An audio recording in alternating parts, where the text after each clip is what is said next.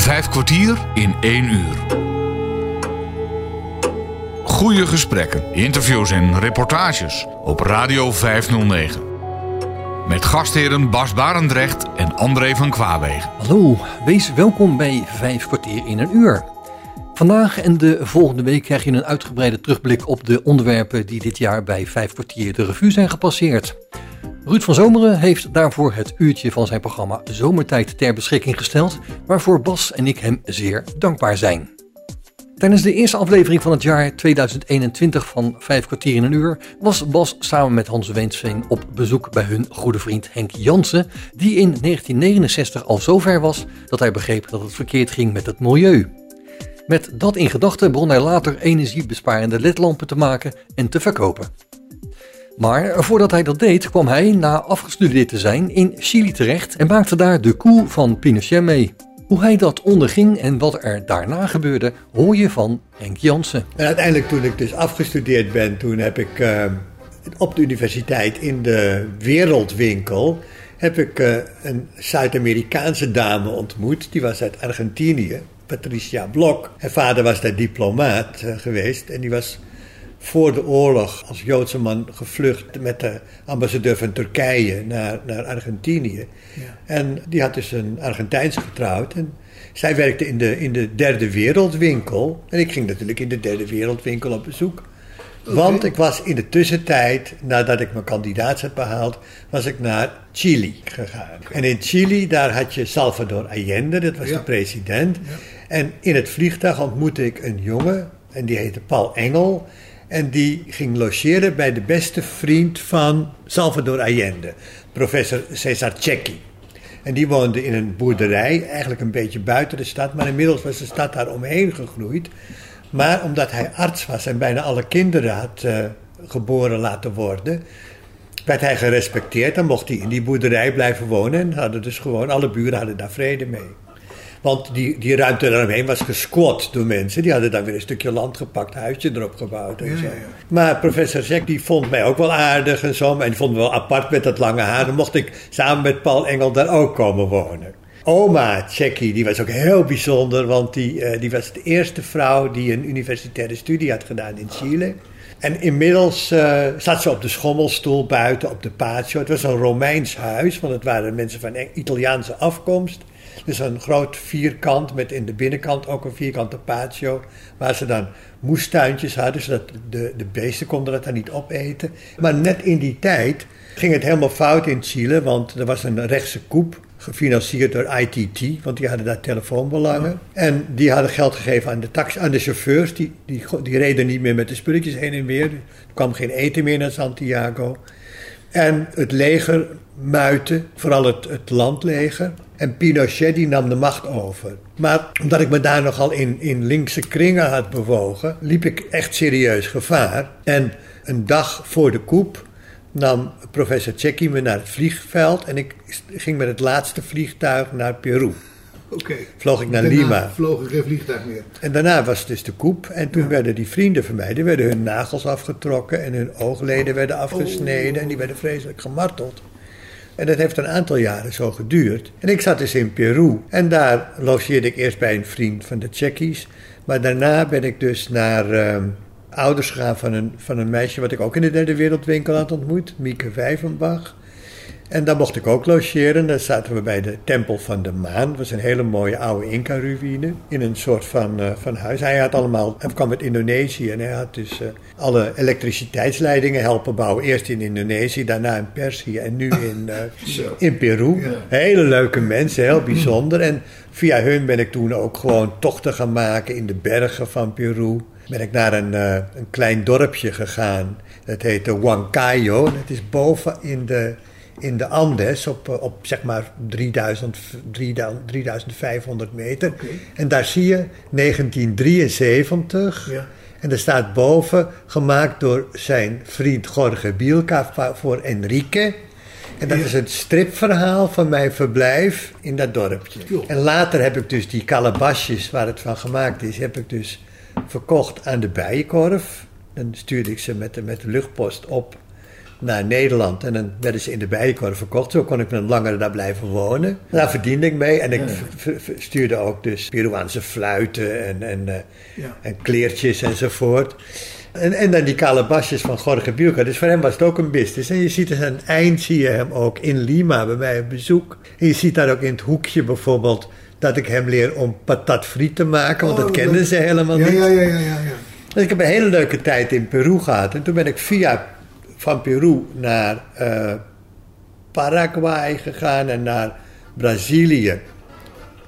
En vanuit Brazilië ben ik weer teruggegaan. En vervolgens kwam ik dus weer in Nederland aan, moest ik me wel even aanpassen.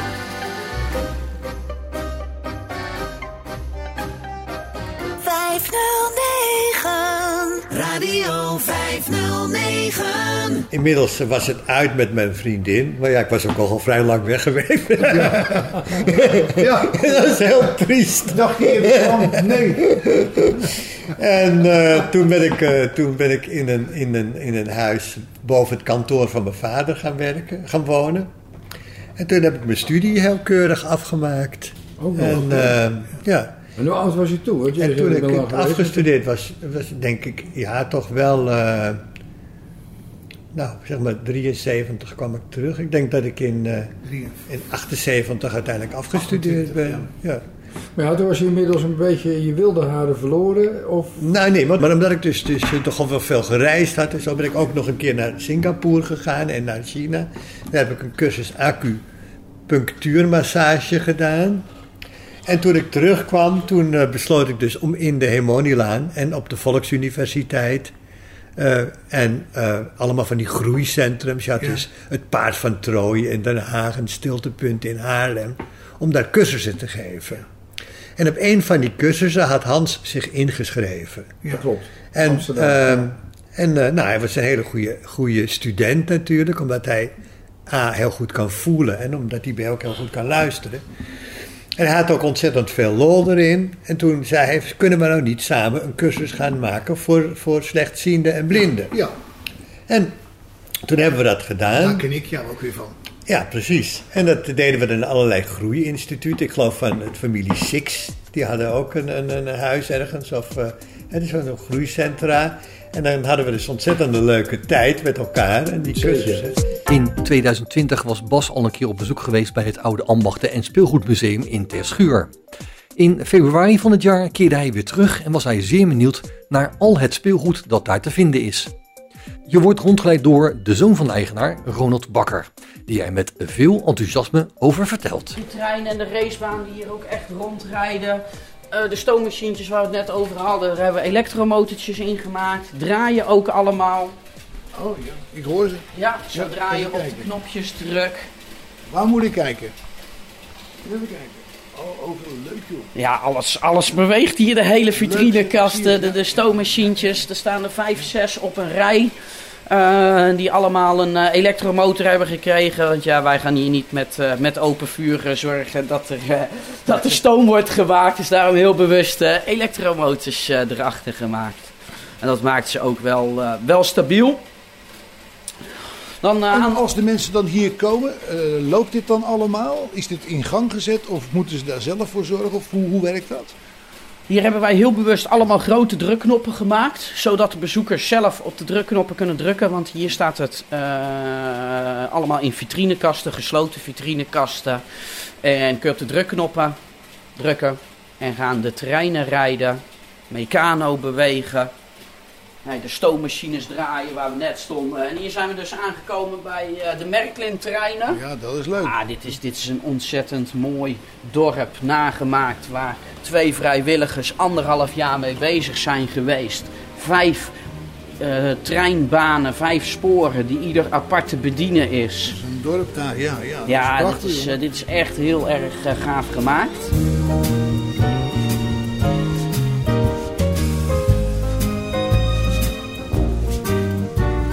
Vijf kwartier in één uur. Hier zie ik eh, vijf knoppen onder elkaar. Wat wil dat zeggen?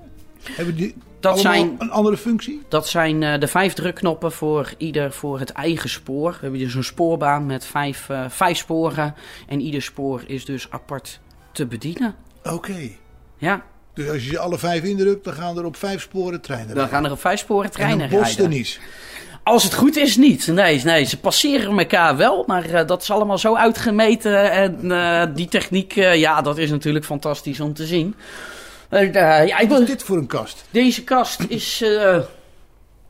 Mijn, eh, mijn jeugd ligt hier Ja, eigenlijk. dat zie ik, ja. Ja, de knikkers. mijn jeugd, ja. Ja, de knikkers. Ja, ja. Dit is, eh, nee, de kleiknikkers, dat is dan... eh, ik als 31-jarige is dat eventjes voor mijn tijd geweest. 1890 is de glazen knikker al, al geproduceerd.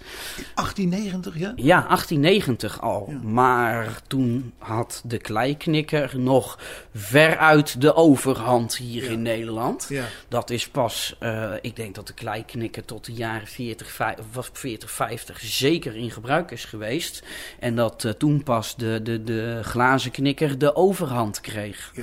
En je hebt heel wat afgeknikkerd. Ik heb eh, heel wat afgeknikkerd, ja. Want ik denk dat de meeste knikkers die hier zo tentoongesteld zijn, eh, van mij en mijn broer zijn. Ja, nou, ja, natuurlijk deze kleiknikkers, dat is allemaal voor eh, onze tijd. Een wekpot, hè? In Ja, de wekflessen vonden wij wel heel toepasselijk Ja, om het in, in, de, wek, om het in de wekpot hier tentoon te stellen, van groot naar klein. En ieder had natuurlijk zijn eigen waarde.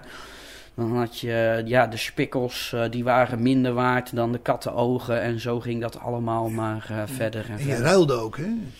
Wij, eh, wij speelden alleen maar, wij ruilden niet. Nou ja, hier zo begint de verzameling antieke beren. Heel specifiek staan wij hier nu voor de kast met stijfberen. Wat zijn stijfberen? En stijf is een, ik denk wel het meest bekende merk van antieke beren. Ze worden nog steeds geproduceerd overigens. Maar hier zo staan echt alleen de echte oudjes. Die vertegenwoordigen wel een enorme waarde, denk ik. eh. Ja, je zou ze wel eh, kunnen vergelijken als de Rolls-Royce en Jaguars en Lamborghinis eh, onder de beren. Ja, veel, Ja. veel zullen het niet, niet weten. Maar ja, merkberen bestaan dus echt. En waarvan Stijf het meest bekende merk is. En hier staan gewoon hele unieke items tussen. Ja, dan is het gewoon genieten. Ik heb, eh, thuis heb ik nog een, een hond staan. Ja. En toen zei iemand van, oh, even kijken op internet. Mhm. Maar die kostte toch een paar honderd euro. Ja, Een dat, hond. Is, eh, dat, is, dat is niet, niet gek.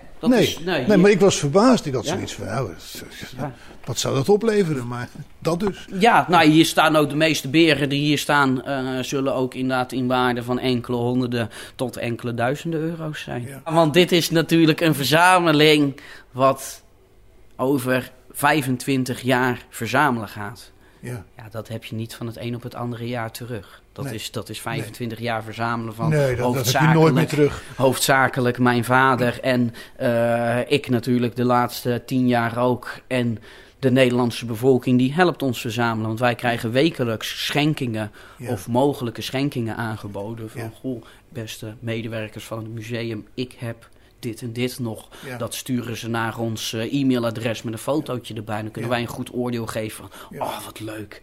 Dit hebben wij nog niet in onze collectie. Dat zouden wij er heel graag aan toe willen voegen. Ja, of, of we komen tot de conclusie dat wij hem al dubbel hebben. En dan is het ook helaas niet. Vijf kwartier in één uur. In deze terugblik over het jaar van vijf kwartier in een uur hoor je nu een deel van het gesprek met de 58-jarige Ruud Brokke. Hij is audicien, een specialist op het gebied van audiologische apparatuur. Een audicien onderzoekt of er sprake is van een gehoorbeperking en meet, wanneer nodig, een hoorapparaat aan. Uiteindelijk in 1996, maar echt een aantal jaren verder, hebben we stappen gemaakt. Ik, eh, in 1996 ben ik in Haarlem eh, begonnen. Eh, Voor jezelf. Voor mezelf. Ja, in Haarlem. Ehm, daar, kom ik vandaan en ik zag daar ook wel de ruimte ervoor. En dat ging heel hard. Dat, ik had daar een, een grote winkel eh, had ik, eh, gehuurd. Het was niet anders. Een grote winkel. En het ging gewoon ontzettend hard. Het feit dat je daar dus als eerste zelfstandige, hè, dus, dus, dus een, een- een- als persoon eigenlijk, als audicien, eh, daar was ik de, e- de enige daar. Ja, en dat, eh, ik, ik had mijn connecties. Ik, mijn connecties betekent dus vooral de ziekenhuizen, de KNO-artsen. Toen was nog dat iedereen altijd langs een KNO-arts moest voor hij überhaupt aan een hoortstel mocht beginnen. Ja. Dat is nu iets anders. En eh, ik, ik had daar mijn relaties, die KNO-artsen. En eh, ik ging daar ook langs en zeg: luister jongens, toen ik die winkel begon, of eigenlijk voor ik mijn handtekening onder het huurcontract zette, ben ik daar langs gegaan en zeg: luister, ik ga daar beginnen. Hebben jullie daar behoefte aan? Lijkt jullie dat wat? Maar gaan jullie hem ook steunen? En steunen betekent dus tegen je passanten te vertellen: van, joh, jij moet aan een hoortoestel. Ga nou eens bij die Ruud Brokker langs. Ga eens kijken wat die voor jou kan betekenen. En de boodschap was ook wel heel duidelijk: van als je dat niet doet, dan weet ik je ook te vinden. Maar dan wel in een vriendelijke manier. Van, je, je zegt nu ja, dat waardeer ik enorm, maar kom het dan ook wel na. Eh, Want ze kenden mij al, het was, eh, en ze vonden het ook fijn. En ze dachten ook dat Uit het dat- verleden kenden ze je. ja, dus op die manier. En dat is een hele goede aanpak geweest. Dus ik heb bij mijn verschillende ziekenhuizen heb ik heel veel samengewerkt. Eh, toen ging het ontzettend hard. En dat betekent ook dat je heel snel personeel moet, moet vinden. Je moet heel snel nieuwe mensen vinden. Hoeveel mensen had je te werken? ja, ik, ik ben dus ik ben uiteindelijk gegroeid naar, naar, naar drie zaken. Eh, en uiteindelijk heb ik daar 17 mensen hebben daar eh, bijna fulltime eh, gewerkt. En die drie zaken die waren niet in Haarlem, neem ik. Nee, eentje was ook weer in Hoofddorp, maar dat was dan toevallig. Dat heeft er niets met het verleden te maken. In Hoofddorp en in Alkmaar. In Haarlem bleef wel de grootste vestiging. Eh, maar Alkmaar en Hoofddorp, eh, dat was ook goed. En dat hadden we, ja, we hadden daar een bepaald idee over hoe we dat eh, vonden we moesten doen. En dat, dat, dat, dat, dat, dat stukje deden we blijkbaar goed. Ja. Dus het was, het was, een hele mooie, was een hele mooie tijd. Het groeide heel hard. Maar de markt, als je over de markt over voorstelt, veranderde op een gegeven moment wel snel. Het werd veel commerciëler. Het was, En er kwamen er veel meer. er kwamen er veel meer. Het werd veel commercieel. Er kwamen hele grote partijen kwamen in beeld. Dat was niet een kwestie van eh, ik ga het goed doen. Nee, dat was een kwestie van ik pomp er zoveel mogelijk geld in. En ik koop de markt. En dat hebben ze met mij ook gedaan. Eh, in die zin gedaan dat ze, ze zagen ook wel in Nederland, hè, waar we een van de grootste winkels die we hadden, in, was in Nederland. En daar kwam er ook een keten bij mij die, die, die een keer aan tafel kwam en zei: Luister, joh, ik wil, ik wil deze winkels voor jou graag hebben. Het- want dit, dit, dit, gaat, dit is voor mij wel makkelijker. Kost mij geld, maar daar heb ik meteen een aantal dingen staan. In plaats van dat ik van nul af aan ergens weer wat ga beginnen. Dat is kant en klaar. Kant en klaar. Ja. Daar was ik helemaal nog niet klaar voor op dat moment eigenlijk. Ik, had, ik, ik, ik was daar niet mee bezig om. Maar eh, het was wel zo dat ze zeiden: Ruud, luister. Dus ik begrijp wel dat, dat je dat overvalt. Maar zeg maar wat je hebben wil. Dan dacht je, daar moet ik toch een nachtje over slapen. Zo, zo, dat was ook het verhaal thuis. Thu- Thuis was ook het verhaal natuurlijk van... joh, luister, eh, dit overkomt mij. We hebben helemaal niet het plan om, om eh, wat te verkopen. Maar we moeten toch misschien maar serieus naar luisteren, naar dit stukje. Nou ja, en kort krachtig verhaal is, is... daar zijn we uiteindelijk gewoon uitgekomen. eh, met die insteek. En in 1996... Sorry, 2006, eh, dus tien jaar later... Nou, is, dat, is dat van de hand gedaan? Is dat overge, overgedaan aan Schoneberg? Nou, Schoneberg is ook een keten. Ja. En die hebben dat overgenomen. En die zijn daarmee verder gegaan. Dus Je ik hebt ben, de hoofdprijs ervoor gekregen. ja, ik heb daar denk ik wel de over. Op het juiste moment, achteraf hè, kun je ook zeggen, het juiste moment van de markt. Want, want dat is toch over zijn top heen gegaan. Op een gegeven moment, op een gegeven moment is het wel steeds minder interessant geworden. En eh, da- toen is dat toch wel, eh, ja, is, is, is dat overgenomen. En zij hebben dat voortgezet. Ja, op hun manier. En dat hun manier, dat mag je zelf invullen eh, wat we daarvan vinden. Maar op hun manier.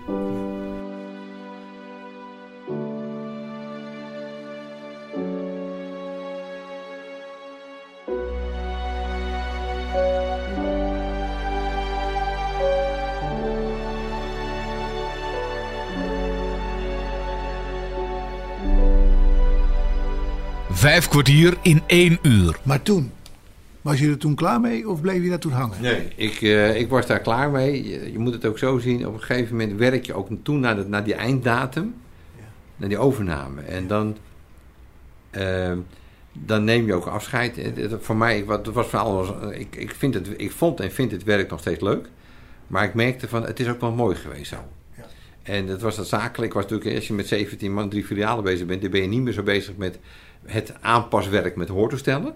Maar dan ben je veel meer bezig als het managen Ja. eh, van het geheel. En dat was ook jouw beste insteek, denk ik. Ik ben groot geworden uiteindelijk het beginnen met, met het met de klanten omgaan. Dat kan ik ook. Ja. Maar op een gegeven moment was ik daar uitgegroeid. En, en was het volgende, was het zakelijke stukje. En als dat dan die overname is, dan komt alles samen. Hè, dan is alles is op een gegeven moment gaat dan dicht. En toen vond ik het ook wel even mooi zo.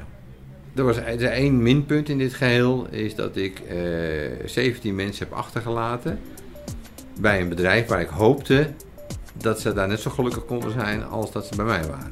Waar is dat ook? In april sprak Bas met de eigenaren van de Cognactheek, Erik de Leest en Harold van der Werf. De Cognactheek is een slijterij in Apeldoorn dat zich vooral richt op de sterkere dranken, zoals uiteraard cognac, maar ook whisky en andere strafzaken.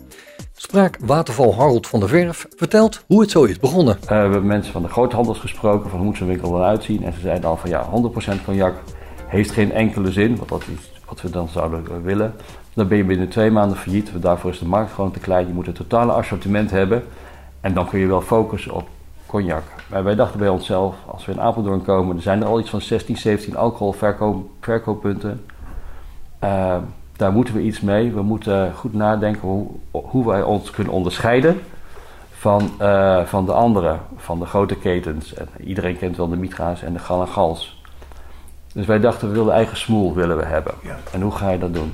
Nou, als we ons focussen op cognac en daar ook de grootste van zijn uh, in Nederland, dan hebben we daar onze focus. En dan doen we de rest er, uh, ik zal niet zeggen er gewoon bij, maar dat moet er wel bij om te overleven. Dan hebben we wat dat betreft een lokale functie voor de, voor de grappa, voor de wodka, voor de whisky, voor de wijn. Uh, en voor uh, de cognac proberen we dan te werken aan een, nationale uitstraling. En dat is wel wat het is op dit moment. Je ziet echt dat uh, mensen uit Apeldoorn komen voor, althans voor een deel van Apeldoorn, voor alles wat we hier hebben. Maar de mensen komen steeds van verder voor de cognacs die wij hebben. En we zijn inderdaad, als je kijkt naar ons assortiment cognac, de grootste van de Benelux. Als je kijkt naar het aantal merken, dat zijn er ongeveer 60. Soms verdwijnt er eentje, soms komt er eentje bij. En we hebben zo'n 360 verschillende flessen. Uh, op papier iets meer, maar soms zijn flessen uitverkocht. En uh, nou, dat moet dan weer besteld worden. Dus misschien dat we over een paar weken wel weer 370 hebben, want dan wordt alles weer aangevuld. Van sommige merken hebben we maar één fles en van sommige hebben we uh, ja, één soort fles. En voor sommige zijn we uh, importeur. We zijn van 19 merken, 18, 19 merken. Dat wisselt ook een beetje. Uh, eigen importeur. Uh, ja, daar hebben we dan grotere voor, voorraden van. En je merkt in Nederland dat mensen die echt liefhebber zijn van cognac... de merken nou toch wel kennen. De grote merken. Courvoisier, Hennessy, Martel en Rémy Martin. Dat zijn de merken die iedereen wel kent. En die hebben samen ongeveer 95% van de markt. Wij vinden het veel leuker om ons te focussen op de kleine familiehuizen die uh, veel meer value for money kunnen brengen. Het mooie is dat we het zelf importeren, er zit ook niemand tussen, behalve het transport, uh, transportbedrijf. En dat maakt gewoon dat we goede prijzen kunnen vragen voor uh, zeer goede uh, producten. En wij zijn van mening dat wat wij hebben aan de wat onbekendere merken, zoals Valente Tersenier, om eens wat te noemen, of Brastad, dat die veel meer kwaliteit bieden voor, uh, voor je euro dan, dan de grote reefer make me mellow. And whiskey make me wild. Get a couple of glasses. And let's get drunk in style. I'm talking about cognac. Careful now. It sneaks up on you strong ellende met die uh, onbekende merken is natuurlijk, ja, onbekende merken zeggen het al, je moet mensen overtuigen dat het lekker is. Ze hebben geen referenties, ze kennen het niet. Hun vrienden kennen het niet. Nou, wij hebben toen gedacht, uh, dan zit je met het probleem dat je merken moet verkopen die niemand kent. Wij moeten dus mensen laten proeven. En we hebben hier een, uh, een proeflokaal, dat moet al voldoen aan bepaalde eisen. Nou, deze is geloof ik 37 vierkante meter, waar die 35, 36 vierkante meter minimaal zou moeten zijn. Het is allemaal gecontroleerd door de gemeente. We hebben echt elke centimeter opgemeten. Uh, ook, uh, de toiletten moesten in onmiddellijke nabijheid zijn van het proeflokaal. Nou, dat is ook geregeld. Gescheiden met mechanische afzuiging. Dat is er allemaal. Ja, soms zitten we hier met, met twee gasten, waarbij de ene de ander verrast voor zijn verjaardag of voor zijn pensioen. Die krijgen alle aandacht voor ons. En soms zitten we hier met, ja, het record is 27 mensen. Dat is dan iets knusser. En dat is heel gezellig. En normaal gesproken is het zo, uh, als het weer kan, hoop ik dat we het weer binnenkort gauw mogen doen. Dat we om kwart over zeven op vrijdagavond meestal de inloop hebben. Dan gaan mensen verzamelen. Om half elf geef ik een lel aan de bel. Dan gaan we naar achteren, naar het proeflokaal. Uh, dan vertel ik iets over de dranken. De ene keer is het whisky, dan is het weer cognac, dan is het rum. Uh, we zorgen voor een klein hapje. Erik doet meestal de avond uh, van tevoren de foodpairing. En die gaat dan nadenken, nou hier hoort een stukje melkchocolade bij, hier hoort een stukje kaas bij, hier hoort een stukje ham bij. En dan gaan we in de straat ook shoppen. Ik krijg van Erik een boodschappenlijstje. Erik is veel handiger in de foodpairing dan ik. Ik ben een barbaar die alles met alles lekker vindt. Nee, zegt Erik, hier komen bepaalde vanilletonen echt naar boven. Die moeten ondersteund worden. Hier moet dus een stukje fudge bij, zodat je de vanilletonen nog mooier proeft. Dus ik vertel dan altijd tegen de mensen, ja, bij glas 1 hoort de fudge. Je neemt eerst een uh, nipje, je geniet van je whisky bijvoorbeeld. Je neemt daarna een hapje van je fudge en je neemt dan nog een slokje van je whisky. En dan, uh, als het goed is, volgens de wet van Erik, moeten die uh, vanilletonen nog prominenter naar voren komen. En uh, meestal heeft hij dat de ride on the mark, dat mensen zeggen: ja, ja, dit is, het beleefd toch, uh, dit is toch wel anders, dit is toch wel lekker. Vijf kwartier in één uur. Vandaag en de volgende week krijg je een uitgebreide terugblik op de onderwerpen die dit jaar bij Vijf kwartier de revue zijn gepasseerd.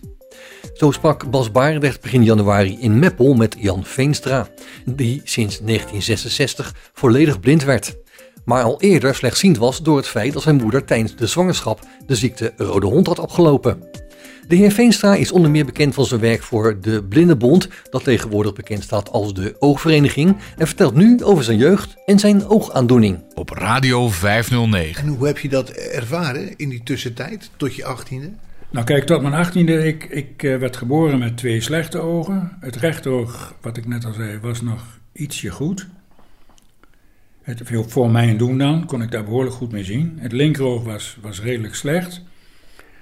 Nou, ik was geen makkelijk kind, op school ook niet. Ik was, ja, noem me maar rustig een belhamel. Je deed alles? Ik deed van alles en op een bepaald moment toen, toen zat ik in de eerste klas van de lagere school en toen... Um, ik mocht altijd de bank uitlopen om op het bord te kijken, anders kon ik niet lezen wat er op het bord stond. Ja, en op een bepaald moment denk ik dat die juffrouw daar een beetje geïrriteerd door raakte, want op een bepaald moment liep ik heel hard de bank uit. En toen haalde ze uit en toen, ja, ze, ze wou mij een tik geven, zeg maar, maar die kwam net op mijn linkeroog terecht. En um, ja, toen diezelfde dag nog ben ik naar het ziekenhuis gebracht en hebben ze dat oog verwijderd, want ik had er een hele ernstige bloeduitstorting in. Dus vanaf mijn zesde jaar heb ik geen licht meer in mijn linkeroog. En met die juf is het verder goed gegaan? Het is volgens mij heel goed gegaan, alhoewel ik denk zelf dat ze wel vroeging heeft gekregen, want ze is een paar jaar later is ze als zendelingen naar Nieuw-Guinea vertrokken. Okay. En ik heb nooit meer wat van haar gehoord. Okay. Okay. Dus ik weet niet of, dat, of daar een kausaal verband tussen bestaat, maar ze was wel met mij begaan, want ik heb een hele grote legpuzzel van haar gehad toen ik terugkwam uit het ziekenhuis, waar het, toen het oog verwijderd is. En ik kan me best voorstellen dat ze daar behoorlijk vroeging mee gehad heeft. Maar in die tijd deed men daar toch niet zo moeilijk over als dat tegenwoordig zou zijn gebeurd. Ja. Dan uh, was er wel wat anders aan de hand geweest, denk ik. Maar je hebt dus met, met ja, één niet-oog en een andere soepoog... heb je de Mulo ook nog gedaan. Ja, en ik, uh, ik, ik hielp mijn vader ook in de bakkerij. Elke zaterdag moest ik helpen venten. Dat deed ik dan gewoon op een, uh, op een bakfiets met, met een mand op de fiets met brood. Ging de klanten bij. En ik reed ook gewoon nog, toen ik 16 was, reed ik ook nog gewoon op een brommer. Achteraf gezien was dat natuurlijk wel wat onverantwoord, maar ik heb het wel allemaal gedaan. Dus ik, vind het wel leuk dat ik die ervaringen allemaal heb. Ja. en um, de Mulo heb ik nog gedaan. Die heb ik trouwens niet helemaal afgemaakt. Maar dat was wel met veel pijn en moeite. Maar goed, ik kon toen een baantje krijgen als jongste bediende bij een groot kaasbedrijf. En toen ben ik van de Mulo afgegaan en toen heb ik dat baantje genomen. Nou ja, en sindsdien uh, heb, ik toch, heb ik het toch aardig goed gedaan, dacht ik zelf. En hoe kwam je aan die baan? Die baan, daar heb ik gewoon naar gesolliciteerd. Ik kwam van de Mulo af. Ik had, ik had drie jaar op de Mulo gezeten. En toen was ik blijven zitten. En toen had ik eigenlijk geen zin meer om, uh, om naar school te gaan. Toen ben ik, dat was in, in augustus, denk ik, ben ik toen gaan solliciteren. Vlak voordat het volgende schooljaar zou beginnen. En ik voor de tweede keer dan de derde klas zou moeten doen. Ehm, en toen heb ik gesolliciteerd en toen werd ik aangenomen bij dat bedrijf. Er stond een advertentie in de krant, jongste bediende gevraagd. Nou, en het baantje kreeg ik en toen ben ik daar gaan werken. En ik heb uiteindelijk heb ik 45 jaar bij dat bedrijf gewerkt. Tot voor wederzijdse tevredenheid. Ja, ja anders hou je het niet zo lang vol, denk ik. En zij niet met jou.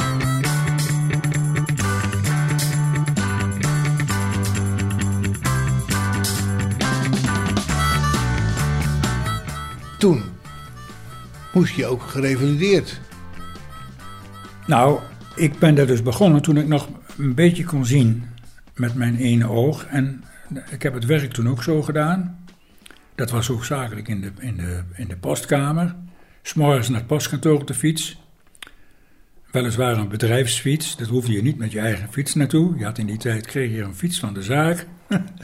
met grote fietstassen. En dan haalde je elke morgen de post op. Nou, dat, was, dat waren twee fietstassen vol. Zou tegenwoordig eh, niet meer het geval zijn. Ehm, en die bracht je dan rond bij de verschillende mensen in het, op het kantoor en in het bedrijf. Er was een groot kantoor met 60 mensen en een bedrijf met een paar honderd mensen. En dan eh, liep je dat hele bedrijf door met die stapels post, allemaal rondbrengen. En s'avonds moest je overal weer langs om post die ze wilden versturen weer op te halen en naar het postkantoor brengen. En die moest je ook frankeren enzovoort. Stempelautomaat. Ja, met zo'n stempelmachine. Ja. En tussendoor allemaal eh, andere klusjes. De stad in voor de dames op kantoor om dropjes te halen of zo. Dat, dat soort dingen gebeurde toen ook. Ja. Dat kon allemaal nog onder werktijd. En ehm, dat heb ik tot mijn achttiende gedaan. Maar toen ben ik dus helemaal blind geworden. Ja, en toen, werd het, toen, toen eh, werd het andere koek. Ja, toen, eh, toen kon je niet meer op de fiets naar het postkantoor. Nee, nee, nee. Ik ben trouwens nog wel op de brommen naar het ziekenhuis gegaan omdat ik oogklachten had. En de dokter zei, de oogarts, ik wil je toch nog één keer opereren aan het oog. Dus toen ben ik op de brommen naar het ziekenhuis gegaan. Maar toen ben ik blind geworden in, bij die opname, bij die ziekenhuisopname. Dus ik ben niet meer op de brommen teruggekomen. Nee, die is gehaald. Ja, die is gehaald en die heb ik aan een oom van mij verkocht voor 600 gulden. Oh, dat was geen verkeerde prijs. Nee, dat was een mooie Sparta-brommer met een dubbele uitlaat. En een zwarte buddy zit. Ik zie hem nog zo voor me. Je bent weer terug in Terschuur bij het oude Ambachtmuseum. De gids tijdens deze terugblik op de onderwerpen van het afgelopen jaar bij vijf kwartier in een uur is weer de zoon van de eigenaar, Ronald Bakker. Hij leidt Bas naar een aantal objecten die Bas zeer bekend voorkomen en hem terugbrengt naar zijn jeugd op het internaat. We lopen door.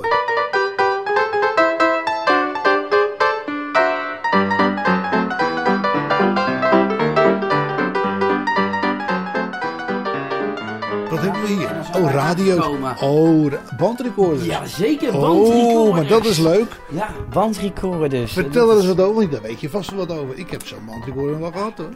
Ja, dit is, om heel eerlijk te zijn, eh, voor mijn tijd. Ik had wel cassettebandjes, dat wel. Maar deze echte bandrecorders, eh, dat is wel een heel stukje voor mijn tijd. Het is, ja, je kunt het zien als de opvolger van de grammofoonplaten. Dus- Ja, nou ja, het is niet voor mijn tijd, het is uit mijn tijd. En Uit, ja. ik, moet, ik moet zeggen dat eh, deze recorder, daar werden eh, een Philips. Hè, daar werden dan, eh, bij ons op school werden daar gesproken boeken mee gelezen. En er werd altijd mee gerotzooid, want wij gingen altijd die kap eraf halen en kijken hoe die eronder eruit zag. En dan, ehm, dan deed hij het weer niet. En dan moest de monteur komen. En die zei, eh, ja, dat, dat, dat is aan gesleuteld. Zeiden we, nee, dat kan niet. Dat is niet zo. wat, een, wat een geweldige hoeveelheid. Ja, en, en hoe vaak was het rubberen riempje kapot? Het aandrijfriempje? Of? Ja, heel vaak. Heel vaak, want dat sleet natuurlijk het hardst. ja. Joh, wat leuk is dat zeg. Dit is leuk. Dit is eindeloos leuk. Ongelooflijk. Ongelooflijk. Ja. Goh, bandrecorders. Gewone bandrecorder.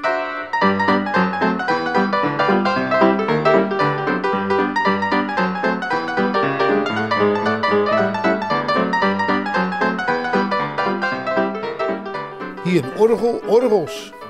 Wat is dat nou joh? Ja, het zijn, eh, zijn orgels en toevallig eh, afgelopen week nog twee gewisseld. Er kwamen twee, eh, twee heren uit Brabant en die zijn hier als bezoeker ooit een keer binnen geweest. En onze piano's waren defect. Defect. Ja, Ja. ja, ja, ja. En toen Moesten ze kwamen gestemd of waren ze stuk? Nee, ze waren echt kapot. eh, door het vele spelen hier in het museum. En misschien ook door een paar onhandige eh, kindervingertjes.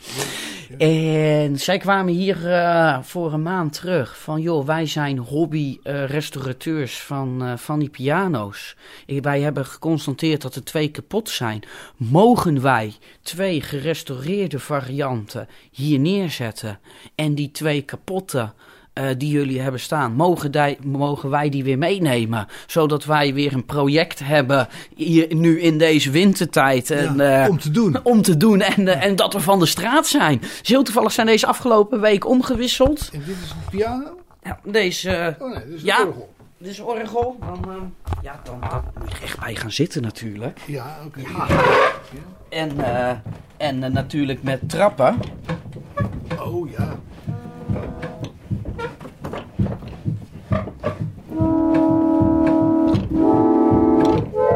Ja, ik kan, ik kan het zelf natuurlijk Nee. niet. Maar, Nee, deze, maar- Is, eh, deze is helemaal gerestaureerd en die hebben ze hier weer gebracht.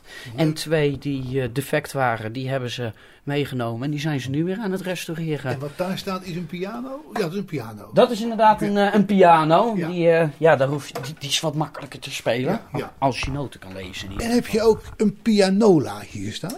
Nee, die heb ik hier Dat zo is niet jammer. Die had ik vroeger namelijk een Ah. pianola. En die zou je, als ik hem nog had, zou je hem zo mogen hebben. Want dat is echt geweldig. Want voor kinderen is dat natuurlijk ook leuk. Want die doet het altijd. Ja, Je doet er een rol in en je trapt en dan gaat hij dan.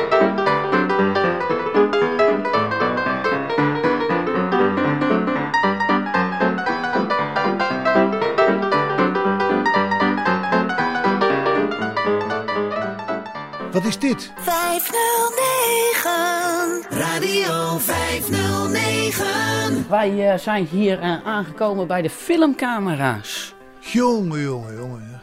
Ja. Wat een camera's. Een, Wat eh, een camera's. Een 150 filmcamera's staan hier. En dat begint eh, bij echt de alleroudste opdraaien. Wat is dit? Een... Dit is ook een filmcamera. Oh, die moet je opdraaien. Echt opwinden, opdraaien. Met een veer zit daarin. Zoals je een klok of een horloge opdraait. Ja. En dan... En dan op het juiste knopje natuurlijk drukken. Nou, dan zou ik hem iets naar de microfoon, want ik denk dat je hem wel kan horen. Ja, ja zeg. Ja, leuk hè. Zo klonk dat vroeger. Ja, Ja, dat kan ik me nog herinneren. ja drie van die lenzen die je kan, eh, die je kan ronddraaien om eh, in te zoomen. Het zijn echt drie aparte lenzen. Nou ja, en dit is dus echt eentje die je met de hand eh, moest, eh, moest opdraaien voordat je kon filmen. Met natuurlijk, eh, ja, de, de single 8 film, de 35 mm film. Goh, wat had je allemaal voor soorten filmen vroeger? Er was allerlei aparte formaten. En hier staat nog iets heel aparts. En dat is dit eh, hele grote apparaat wat je hier ziet staan. Ja, dat is een professionele Dat is inderdaad projector. Denk ik. een professionele filmprojector van een bioscoop. Ja, die ken ik ook nog. En daar ging een, eh, een 35 mm film in. Ja, Dus dat is echt wel een hele brede film. ja. En dan zie je hier zo op de spoel hoeveel meter er nog op zit. En dan staat hier bijvoorbeeld, als je 30 minuten film wil hebben, dan is dat, houdt dat in dat je 800 meter film Ja. nodig had. Ja, 800 meter ja. is goed voor 30 minuten filmplezier. Dus ja, daar gingen natuurlijk gigantische rollen in. En dit, nou ja, hoe hoog is dit? 2,5 meter? ja. Ja, twee, een, Ja. een projector van 2,5 meter hoog. Die dus echt in eh, bioscopen stond om op het grote doek te schijnen. ja. Nou, hier achterin zit dan de lamp. Gigantisch hè. Gigantische Ja. lamp. Ja, ja. En dan te weten dat ik daar ook nog mee gewerkt heb. Oh ja? Ja, ik heb namelijk gestageerd Ja. in een fotostudio, in een filmstudio. En dat was de filmstudio Cinatoon. In En daar, maakte, maakten ze in Duivendrecht, was dat Ja. toen. En daar maakten ze, onder andere sneden ze daar de filmpjes voor Thijs Janowski van de Fabeltjeskrant. Mhm. En we maakten één keer in de week maakten we het bioscoopjournaal daar. Dat was een geweldige tijd. Ja, polygoon. eh polygoon. Polygoon, ja. Ja, ja de Wat heb, je, wat dit. heb je daar? Nou, dit is het papierwerk wat bij deze eh, bijzondere projector hoort, die bioscoopprojector. Hij komt uit een bioscoop uit eh, Ermelo. Ermelo. Ja, Ja. ja, ja, ja. En tot, eh, tot 30 jaar geleden stonden deze nog, eh, nog steeds wel in Nederland. Werden ze Ja. nog steeds gebruikt. Ja. Tegenwoordig is natuurlijk alles digitaal. Maar hier is dus ook echt daadwerkelijk de oorsprong van, van bekend. Het is van, van Italiaanse makelaardij, als ik het goed heb. En eh, ja, dit, dit soort stond gewoon in heel Nederland. In iedere Ja. bioscoop hadden ze dit, hadden ze dit, eh, dit soort projector staan met 35 mm films. In maart sprak Bas Barendrecht uitgebreid met kleinkunstenaar Charlotte Glory. Tijdens dit gesprek hadden ze het uiteraard over haar muziek, maar ook over haar jeugd. En gaat ze nu verder over de tijd na de lagere school. Eh, toen ben ik naar, eh, naar Alkmaar, naar het voortgezet onderwijs gegaan. En dat was eh, het Petrus Canisius College. En daar deed ik het VWO met Grieks en Latijn. Dus ook wel gymnasium genoemd. Ja, voor mij denk ik, ja, het is gewoon VWO. Met in plaats van twee andere vakken Grieks en Latijn.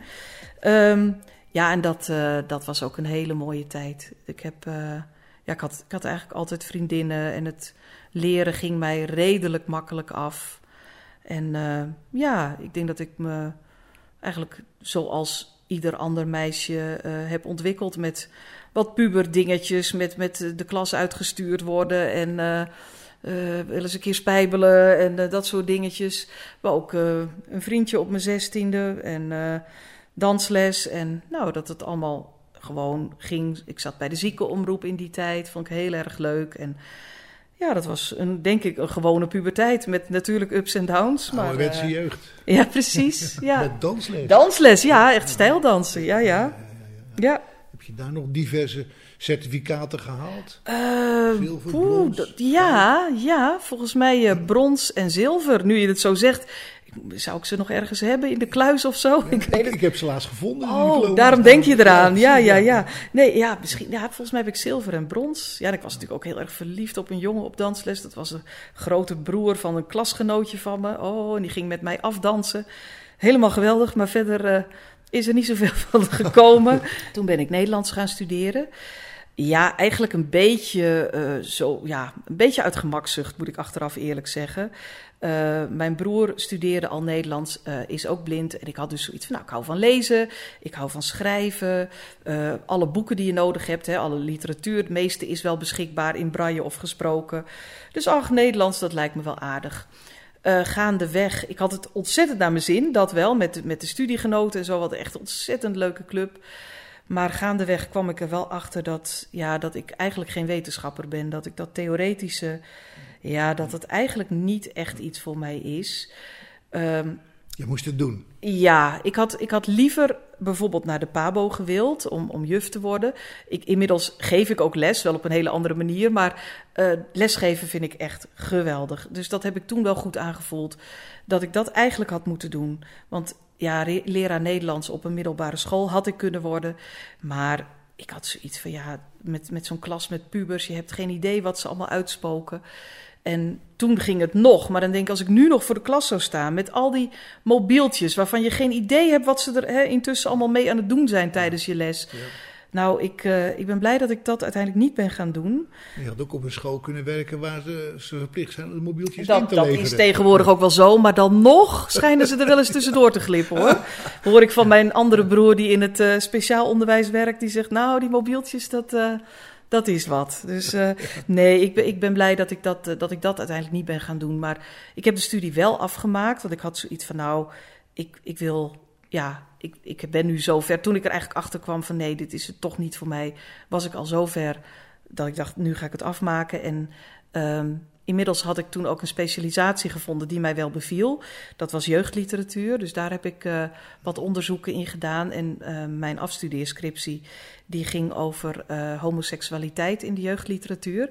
En dat, ja, dat spreekt mij nog steeds heel erg aan, dat onderwerp. Omdat je ziet eigenlijk in de jeugdliteratuur ook allerlei maatschappelijke trends terug. Hè? Mm -hmm. die, die in die tijd spelen.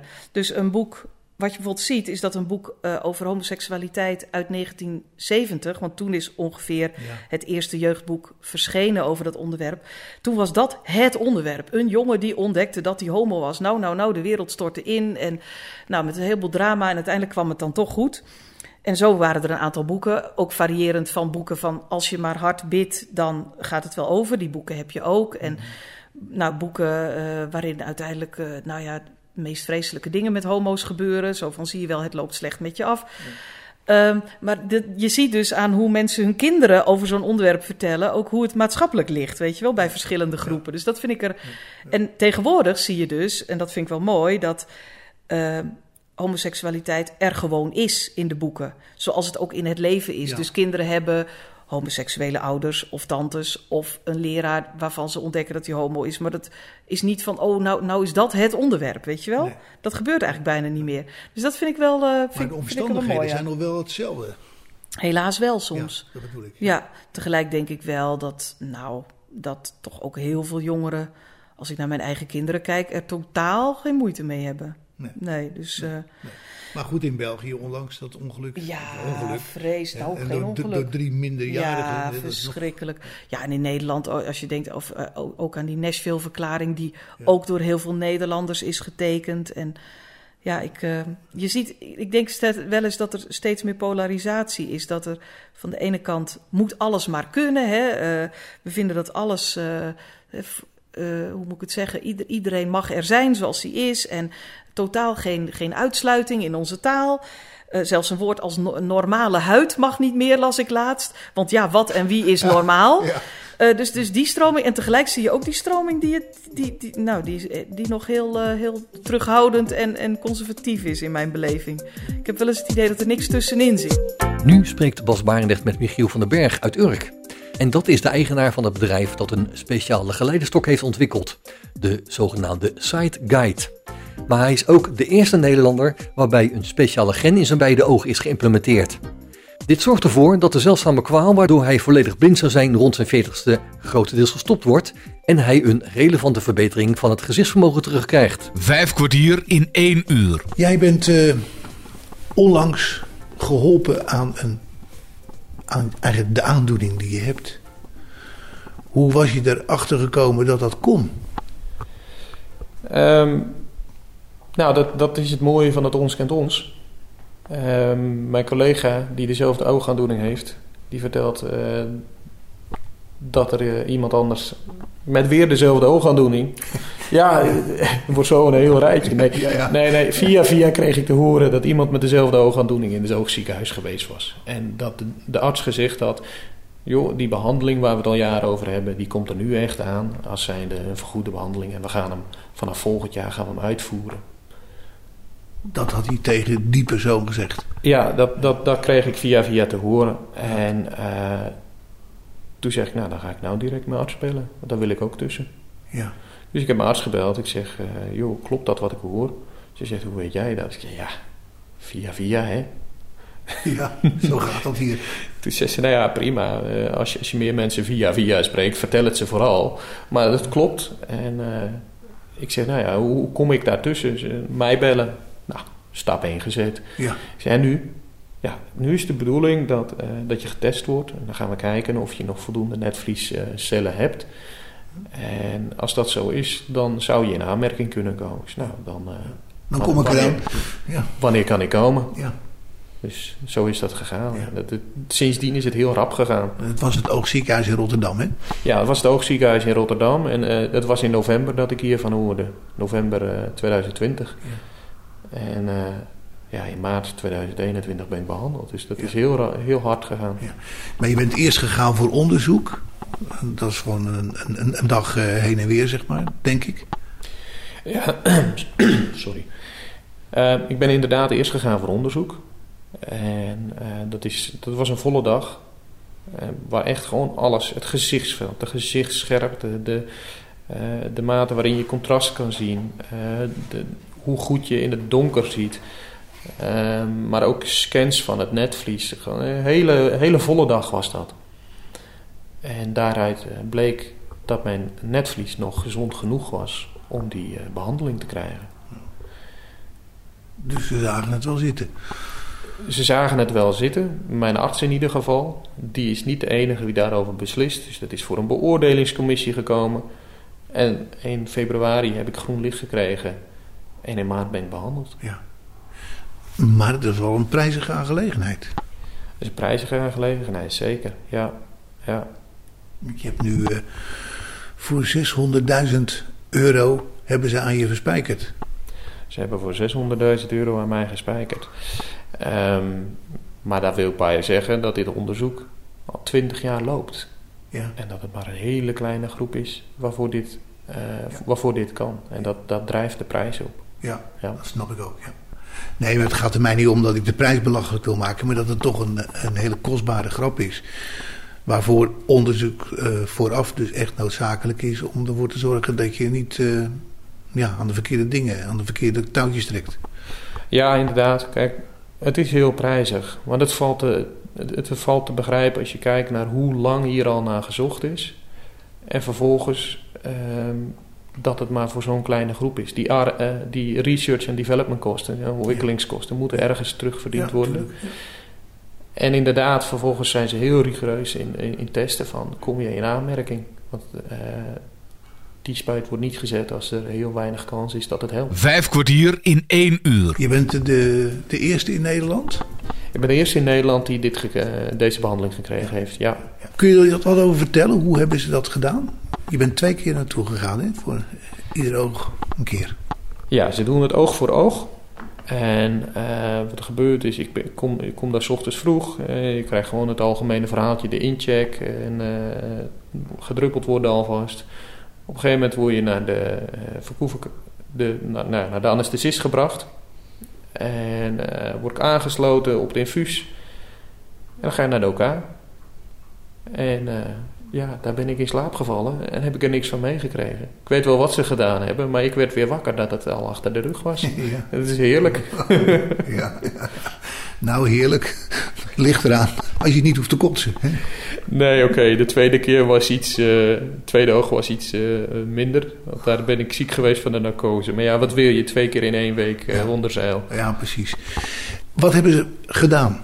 Nou, wat ze gedaan hebben is het, het glasvocht uit mijn oog zoveel mogelijk losgemaakt van het netvlies en dat weggehaald. En vervolgens hebben ze tussen de netvlieslagen hebben ze dus dat eh, medicijn ingebracht. Is er een, een, een luchtbel in mijn oog geplaatst om eh, een beetje druk te houden op dat netvlies, waar er nu een blaas met medicijn zat. Eh, en vervolgens heb ik 24 uur op mijn rug moeten blijven liggen, strak naar het plafond starend, om het medicijn op zijn plek te houden. En dan binnen een dag is die blaas, wie ze daar gespoten hebben, voor 90% weggetrokken. En is dat medicijn zich verspreid door het netvlies. En mocht ik weer overeind komen. En dan is het even kijken. ehm, zit alles op zijn plek? Zit het netvlies nog vast? En dat was het geval. En dan mocht ik me weer naar huis. En die 24 uur dat je dus op je rug lag, eh, hoe voelde dat? Eh, lang. dat, dat, dat, wa- dat was lang. Maar ehm, je, je bent toch een beetje... eh, tot half slapend, half eh, hoorcolleges volgend heb ik dat doorgebracht. Ja. Ehm, ja, weet je, het, was wat druk op het oog en je voelt dat er wat gedaan is met je. Maar verder was het gewoon eh, een kwestie van 24 uur blijven liggen. Het is niet dat ik daar heel veel last van gehad heb. Geen pijn. Nee, ik heb geen pijn gehad. Weet je, het enige is dat, je, dat er drie hechtingen in het oog zaten. En ja, die, die, die voel je. Dat irriteert een beetje. Vijf kwartier in één uur. Welkom terug bij het jaaroverzicht van 5 kwartier in een uur. In mei van dit jaar bezocht Bas Forza Fietsen in Nunspeet. Een familiebedrijf met een aantal verkooppunten in Nederland die zich gespecialiseerd hebben in de verkoop van elektrische fietsen. Bas wordt rondgeleid en bijgepraat door medewerker Siebe. Op Radio 509. De opkomst van dit bedrijf, want dit bedrijf bestaat nog niet zo lang. Ik was eigenlijk helemaal getriggerd op dat het een familiebedrijf was. Nee, wij zijn een, eh, een goede zes, bijna zeven jaar geleden volgens mij alweer zijn wij begonnen met, eh met Forza fietsen. En dat is echt voortgekomen uit eh, drie broers. En die zijn met het idee gekomen om eigenlijk simpelweg fietsen mogelijk te maken voor iedereen. Maar hoe kwamen die broers daarbij? Ze dachten eerst, eh, ja, eigenlijk al de nodige jaren al van goed, wij willen wat voor onszelf gaan beginnen. Toen waren ze nog geen fietsenmaker. Nee, toen waren ze nog geen fietsenmaker. Hadden er wel altijd al affiniteit mee. Eh, ze vonden altijd al leuk alles wat reed en met elektrische ondersteuning bezig was.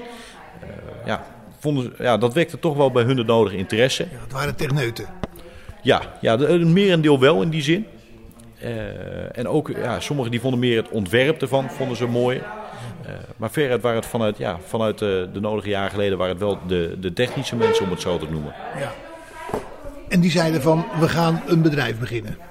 Ja, op een gegeven moment eh, hebben ze de drie koppen, om het zo te noemen, bij elkaar gestoken. En, eh, en zijn ze eigenlijk gaan brainstormen van goed, wat willen we eigenlijk gaan bieden wat, eh, wat momenteel in Nederland, fietsland, nog niet aanwezig is. En dat hebben ze uitgezocht, uitgevochten zeg maar. En toen kwamen ze tot de conclusie dat ze zo en zo een fiets moesten gaan maken. Ja, ja dat klopt. Eh, op een gegeven moment zijn ze gaan nadenken van goed, wij, eh, wij willen iets bieden wat nog niet iedereen heeft. En dat is eigenlijk een eh, stukje service in die zin door compleet Nederland, maar ook door de complete Benelux. Dus ook België, Luxemburg erbij betrekken. Met eigenlijk relatief weinig filialen, met vier filialen tot op heden. En zodoende toch op elke hoek van de straat mogelijk service kunnen bieden. En die vier filialen, die verkopen alleen voor ze. Die verkopen enkel en alleen voor ze. Ja, oké. En toen, wat is er toen gebeurd? Want ergens moesten ze gemaakt worden. Waar worden ze gemaakt? Nou, de fietsen zelf, de frames, eh, die worden ontworpen en die worden vervolgens in elkaar gelast in eh, Oost-Europa. En vervolgens krijgen wij die fietsen krijgen wij binnen, eh, zo goed als uit elkaar gehaald, dus echt als een bouwpakket om het zo te noemen. Eh, dan stellen wij die compleet in naar wensen van de klant. Dus denk erbij aan nou, wat er op en aan mag, de kleine zaken, eh, zoals een andere kleur band bijvoorbeeld, tot aan de grote zaken als een versnellingsnaaf, een remsysteem, noem het maar op. En zodoende kunnen wij dan een, eh, een fiets samenstellen naar wens van de klant. En die worden hier bijvoorbeeld in Nunspeet ook gemaakt? Die worden hier in Nunspeet worden eigenlijk alle fietsen van Forza in elkaar gezet. Alle, dus ook voor die andere drie filialen. Ook voor de andere drie filialen. Eigenlijk komt alles hier vandaan. Oké, dat is wel gewaagd, want dan heb je toch wat te doen, denk ik hier. Ja, ja we hebben de nodige mensen eh, achter de schermen werken die eh, elke dag weer de fietsen klaarmaken voor de mensen onderweg. Dus bijvoorbeeld ook voor het bezorgen ervan en ook voor de andere filialen. Ja. Waarom kies je een Forza-fiets? Nou, omdat wij eigenlijk van het oudsher, nou oudsher, zes, zeven jaar geleden, eh, zijn begonnen echt als familiebedrijf. En wij echt het nodige onderscheiden in wie wij zijn. Wij zijn wat kleiner en daardoor dus ook wat klantgerichter. En hebben wij de service wat beter op orde dan de grote, enorme fietsfabrieken. Eh, wij zijn wat sneller bij, omdat wij natuurlijk het nodig aan bussen hebben rijden. Eh, kunnen wij binnen één of twee werkdagen bij u zijn. En wat betreft de fietsen zelf, betaal je voor een, bijvoorbeeld, ik noem maar wat, een Batavus, een Gazelle, betaal je een groot deel eh, voor de merknaam. Dat betaal je voor een voorzet tot op heden nog niet. Wij gebruiken dezelfde aanmerkonderdelen, om het zo te noemen. Denk erbij Shimano, AXA, Samsung. Dat soort zaken zitten er op de fietsen. En je betaalt er niet de hoofdprijs voor. Wa- Wat betaal je hier al zo voor fietsen? Noem eens wat prijzen. Nou, het ligt eraan wat wenselijk is. Eh, vandaag de dag heb je in die zin heb je een voormotor en een middenmotor. Dat is eigenlijk wat het populairste is. En wat is het verschil daarin? Een voormotor bij ons, eh, dat is, nou, zoals het woord al zegt, een voormotor. Dus een motor in het voorwiel. En dat werkt door middel van een rotatiesensor. Dus ongeacht of je hard of zacht trapt, rijdt die fiets door de door, de door u gekozen ondersteuningsstand de snelheid.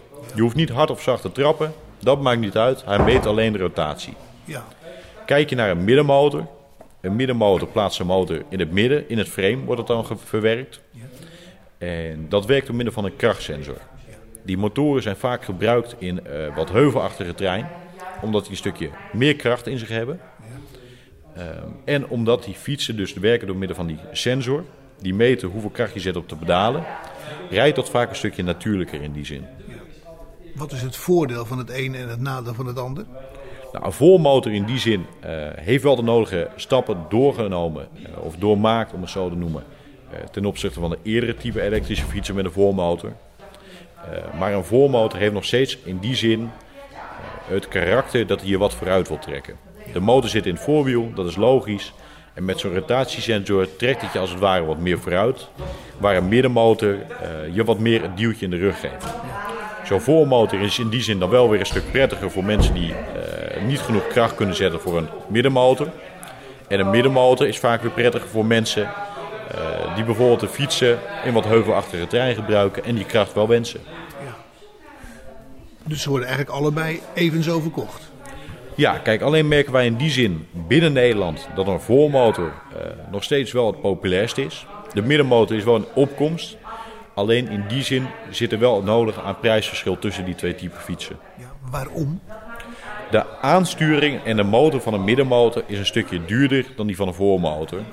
En dat maakt het nodige prijsverschil. Ja, oké. En eh, noem eens een indicatie, wat betaal ik voor het ene en wat voor het ander? Nou, hou rekening met een voormotor. Dat je een beetje afhankelijk wat er op en aan mag, tussen de 1500 en 2000 euro in zit.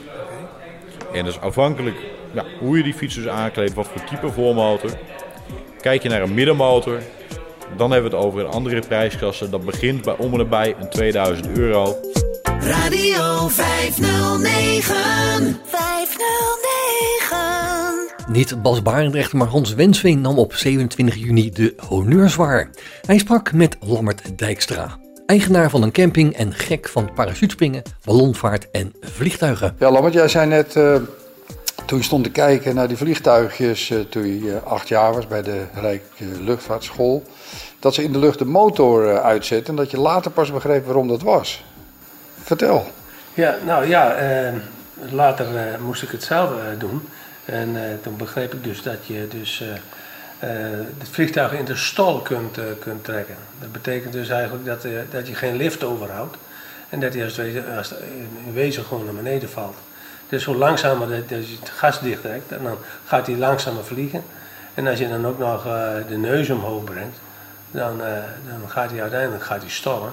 En dan hangt het vanaf wat voor soort vliegtuig dat je hebt. Eh, de meeste vliegtuigen zijn, vliegtuigen zijn stabiel, maar ze willen wel over links of over rechts willen ze wegvallen. En dat moet je dus eh, zien te voorkomen door, eh, door direct de neus te drukken om weer snelheid te krijgen. Naar beneden weer. Ja, weer naar beneden. Ja. En dan, dan, ga je, ja, dan ga je in wezen weer naar beneden, maar dan moet je ook direct gas geven.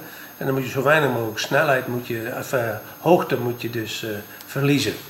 En dat kan je natuurlijk ook eh, overkomen als je dus gaat landen.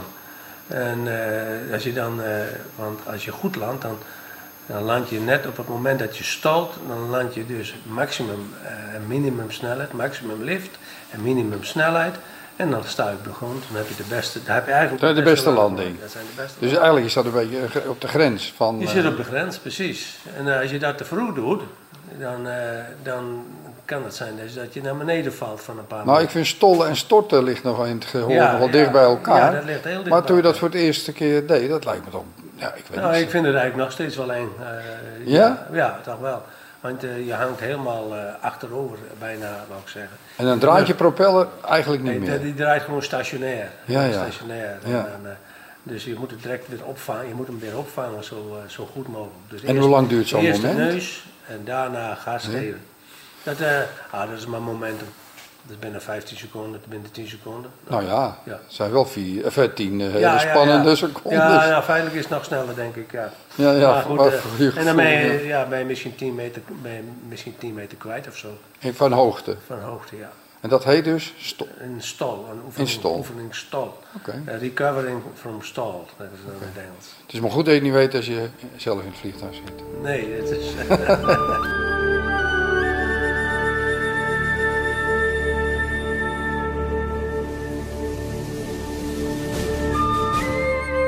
Maar dat parachutespringen dan, wanneer is dat begonnen? Wanneer ben je daar actief mee gegaan dan? Want dat is toch ook een hele, hele studie, toch? Ja, ja nou, dat, dat valt ook wel wat mee. Maar eh, Ik, eh, ik, ben, eh, ik ben gaan voetballen in die periode. En Oh, ik- wat kon- anders. Ja, dat was heel iets anders. Ja. En dat was, voor mij was dat ook een heerlijke uitlaatklep.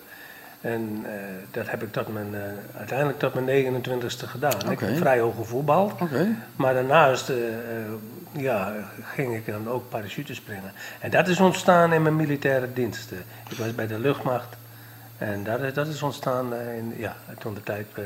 Dus parachutist bij de, bij de luchtmacht. zeg maar. ja, de luchtmacht die organiseerde de- via de welzijnszorg toen de tijd allemaal eh, cursussen naar parachutespringen. Mhm, mhm. En toen ben ik dus op mijn 23e ben ik in aanraking gekomen met, met parachutespringen.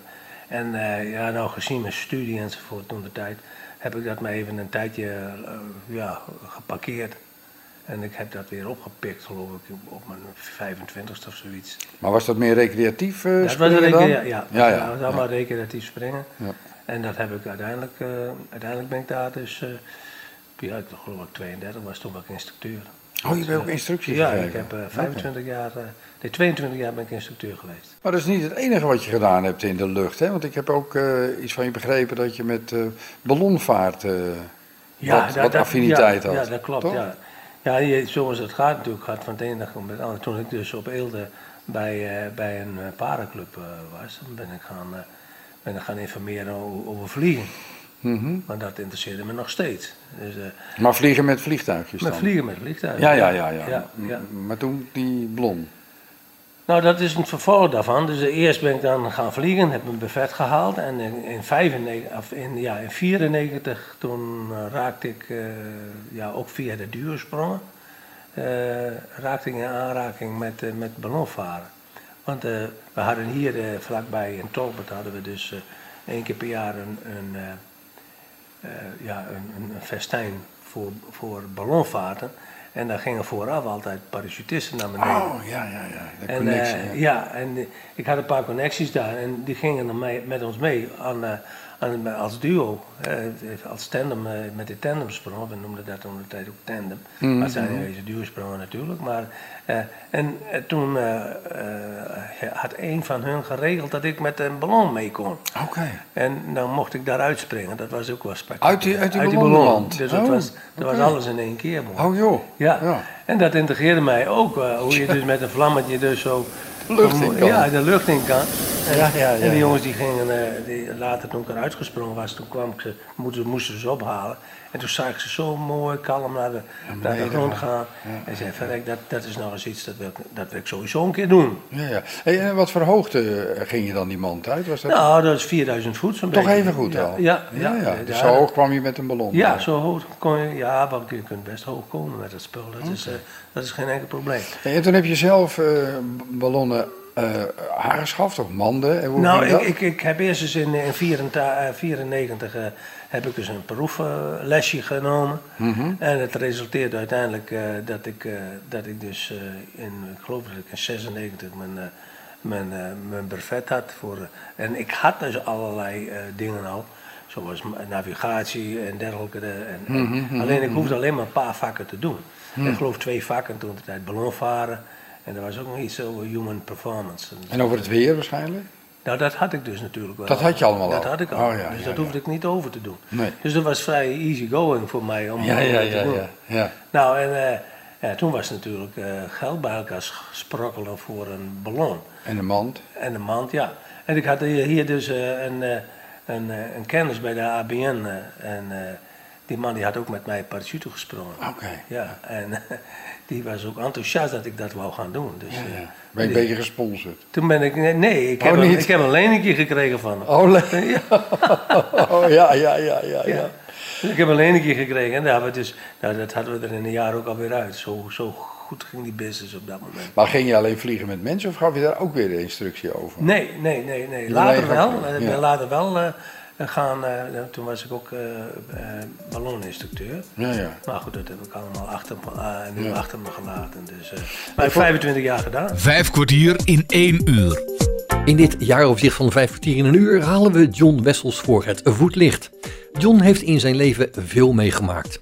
En dat begon al bij zijn geboorte. Want eh, mijn moeder, die, eh, en dat was 1946. Ik ben namelijk 75 jaar al. En uh, was in 1946. En Toen werden we, is Apeldoorn bevrijd door de Canadezen. En dat waren allemaal eh, jonge soldaten. En mijn moeder was ook jong. Dus ik kreeg kennis aan een Canadees. Ja, en daar ben ik dus eh, uit geboren. Dus, eh, Maar welke Canadees? ja, dat weet ik ook nog. Dat weet ik ook nog. Ja, dat weet ik ook. Ik heb hem, eh, ik heb hem een keer ontmoet. Een keer of twee ontmoet. Maar, ehm, maar dus ik ben dus eh, van een Canadees. En, eh, maar die Canadees is teruggegaan naar Canada. En, eh, en die heeft nooit wat van zich laten horen meer. Dus, eh, Dus het was een, een, een leuk moment, maar dat was het ook voor hem. Dat was, nee, nee, hij heeft wel, hij is er ook thuis geweest. Hij wist ook dat, dat ik drank kwam. En, en dat was allemaal, eh, maar hij bleek dus, heeft hij dus nooit verteld, maar hij bleek dus getrouwd te zijn in Canada. En dan had hij ook een vrouw met één kind. Ja. Dus hij, eh, hij is teruggegaan naar Canada en, heeft hij, en dat kon, het Canadese leger, die heeft nooit eh, open, openbaar gemaakt. Dus, dus wat ze ook deden, ze konden geen contact meer met hem krijgen. Dat, dat, dat was zo in die tijd. Dat hebben alle, alle, alle kinderen van Canadezen hebben daar moeilijkheden mee gehad. Die konden de eerste twintig jaar hebben ze, hebben ze die, die mannen nooit meer kunnen ontdekken waar ze woonden. En eh, die gaf geen openheid van zaken. Hadden ze gewoon afgeschermd? Hadden ze gewoon afgeschermd, ja.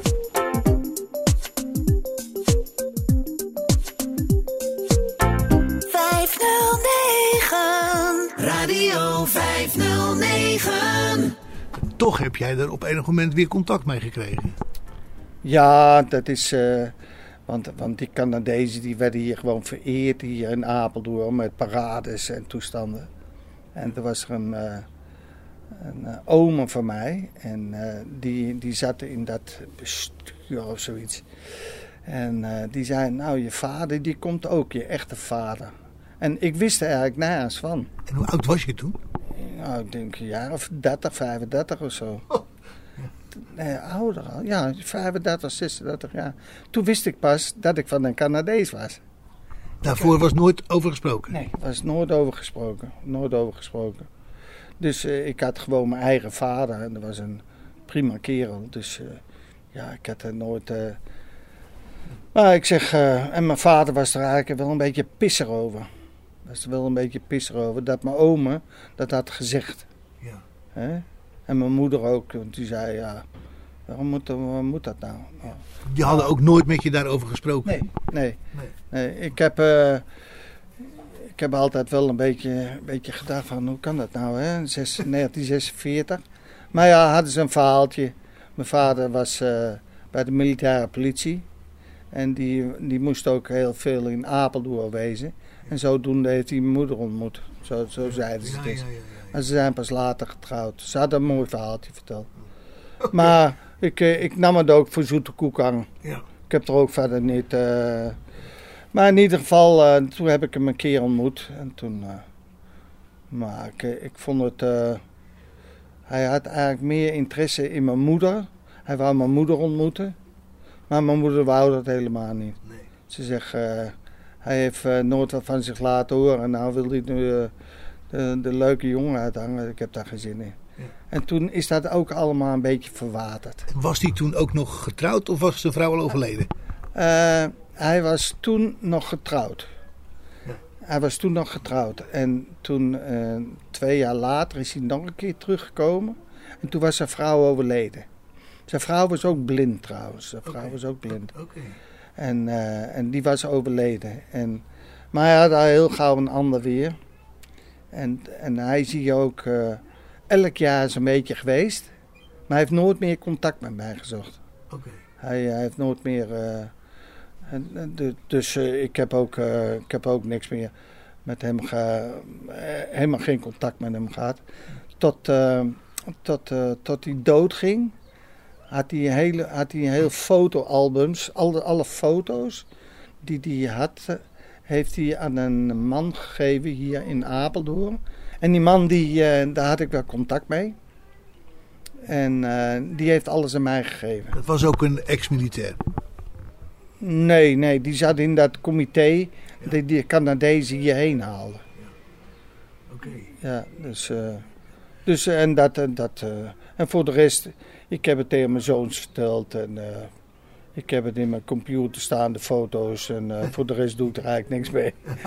Oké, je hebt ze wel gedigitaliseerd. Ja, ik heb ze wel even gedigitaliseerd. Ja, dat ze op de computer staan. Ja. Ja. Ja, dat is wat. Hè? Nou, nou, ik, heb, ik ben daar nogal eh, oh, een beetje uh, laconiek over eh, dat het zo allemaal gebeurd is. Dat is gewoon het leven, hè? Ja. Dat is het leven. En eh, ik voel me misschien dat ik, dat ik door, doordat het een, dat die, eh, een beetje avontuur. Want die, die Canadezen, die, dat zijn allemaal, waren allemaal vrijwilligers. En dat was ook een avontuur, die oorlog, een beetje. Hè? Dat eh, in die tijd, je kon blijven in Canada, maar je kon ook... eh, en die jongens die waren een jaar of 17, 18 en dan gingen ze in de oorlog. Hè? En dat waren ook een beetje avonturiers aan, eh, een beetje. hè. Dus dat heb ik daar een beetje van. Dat ik, eh, dat ik een beetje onrustig ben en dat ik altijd, altijd iets wil meemaken. Dus in dat opzicht lijk je wel een beetje op je vader. ik lijk een beetje op mijn op eh, op mijn echte vader. Radio 509. 509. Dit jaar stonden we uitgebreid stil bij de synagoge, ook wel Sjoel genoemd, in Enschede. Bas Barendrecht nam een kijkje in dit imposante gebouw, sprak daar met vrijwilligers en reisde af naar Amsterdam om Jaap Hartog, voormalig voorzitter van de Joodse gemeente in Enschede, aan de tand te voelen over deze synagoge en het Joodse geloof. Mijn naam is Jaap Hartog. Ik ben 69 jaar. Ik ben geboren in 1952 in Enschede. En heb daar tot zeven jaar geleden altijd gewoond. En wij waren een. Ik kom uit een gezin, laat ik dat zo zeggen. eh, waarin wij eh, normaal religieus zijn opgevoed. Niet extreem. Wij gingen eh, wekelijks naar de synagoge. En als ik dan zeg we, is dat voornamelijk met mijn broer en ik. Ik heb een vier jaar oudere broer. En ik herinner mij dat ik zo ongeveer vanaf mijn vijfde of zesde jaar... week in week uit naar de synagoge ging voor de wekelijkse diensten... die er toen op vrijdagavond, zaterdagmorgen en zaterdagavond waren. En ik ging twee keer in de week naar godsdienstles, ook in het gebouw... in de schoollokalen die daar, die daar toen de tijd waren. Ehm, dat was op woensdagmiddag en op zondagochtend. Eh, mijn vader komt uit een niet-religieus gezin. Eh, mijn vader eh, heeft de oorlog overleefd door ja, in Auschwitz eh, gezeten. En wilde eigenlijk maar weinig met het Jodendom te maken hebben. Maar trouwde toch met een Joodse vrouw, mijn moeder. Die uit een orthodox Joods nest kwam, beide uit Brabant. Mijn moeder heeft ons orthodox opgevoed en mijn vader heeft dat altijd toegestaan. En is later veel over het Jodendom gaan lezen. En gaan interesseren in het Jodendom. En werd op een gegeven moment gevraagd om deel uit te maken van de toen nog bestaande kerkenraad van de eh synagoge, van de Joodse gemeente. Je had een dagelijks bestuur van drie man en een kerkenraad van vier man. En mijn vader werd gevraagd om daar in plaats te nemen. Eh, al heel snel daarna eh, werd hij eh, in het dagelijks bestuur benoemd tot vicevoorzitter van de Joodse gemeente. En toen de toenmalige voorzitter eh, naar Israël ging om te wonen op, hoge leeftijd, met zijn vrouw verhuisde naar Israël, werd mijn vader voorzitter van de Joodse gemeente. Eh, ik werkte met mijn vader samen in een bedrijf. En ja, eh, ik was veel met mijn vader samen en kreeg dus heel veel mee van het wel en wee van de Joodse gemeente. En dan zeg ik echt wel en wee, leuke dingen en minder leuke dingen, die hij soms telefonisch voerde. Eh, daar zat ik dan bij en kreeg het mee. En ja, dat was gewoon, zonder dat het ooit verteld is, was het een geheimhoudingsplicht. Dat ging niet door, wat het ook was. Mijn vader eh, werd ziek, kreeg een, eh, een herseninfarct en had, kreeg een spraakgebrek. Is nog eventjes voorzitter van de Joodse gemeente gebleven. Officieel moest je na vier jaar aftreden, maar dat was gewoon een, ja, eh, gewoon dat, die, dat dat verlengd werd. En na een jaar of 18 eh, in dat bestuur, in dat, ja, in voorzitter zijn geweest, eh, wou mijn vader stoppen. En zou eigenlijk de toenmalige vicevoorzitter voorzitter hebben moeten worden. Maar die wilde niet. En die kwam bij mij en zei van Jaap, doe jij het maar. En zo werd ik eigenlijk vanuit, ja, niet in het bestuur gezeten hebbend, werd ik zo in één keer van niks, werd ik voorzitter van de Joodse gemeente. Vijf kwartier in één uur. Vandaag en de volgende week krijg je een uitgebreide terugblik op de onderwerpen die dit jaar bij vijf kwartier in een uur de revue zijn gepasseerd. Ook dit jaar werd de CISO-beurs georganiseerd en dat vond op zaterdag 12 juni plaats. In dit deel van de uitzending sprak Bas een week eerder met de organisator van dit evenement, Ruben de Wild. Op Radio 509. Jij bent in de plaats gekomen van Ben de Wild, je vader. Klopt, ja. Sinds eh, eigenlijk eh, vanaf eh, halverwege vorig jaar wat officiëler. En eigenlijk al twee jaar daarvoor ehm, al, al wat meer met, met wat meer dagelijkse leiding. En, ja, en, en het uitvoeren van, van de klussen. Ja, want dat zijn er nogal wat, hè? Wat doen jullie eigenlijk? Eh, nou, wij doen eh, echt, eh, eigenlijk organiseren wij buiten corona publieksevenementen. Voor stichtingen, omroepen, maar ook voor commerciële organisaties. En dan moet je denken aan congressen, klantendagen, concerten, beurzen. Ehm, eigenlijk, en ook wel televisieuitzendingen. Jullie hebben heel veel contacten. Ja, eigenlijk wel. En dit contact dat duurt ook alweer een tijdje. Dat is ook alweer wat jaren dat je de ZISO organiseerde. Eh, tot tevredenheid denk ik van iedereen. Ja, volgens mij eh, tot, tot nu toe. eh, ja, wij zijn, wij zijn een aantal jaar geleden hebben we het overgenomen van het Oogfonds. eh, in opdracht van, eh, van de CISO-vereniging. En eh, ja, we proberen dan eigenlijk in overleg met de CISO-vereniging of jaarlijks of, of eh, hoeveel er eh, behoefte aan is. Eh, in eh, een, een beurseditie eh, neer te zetten.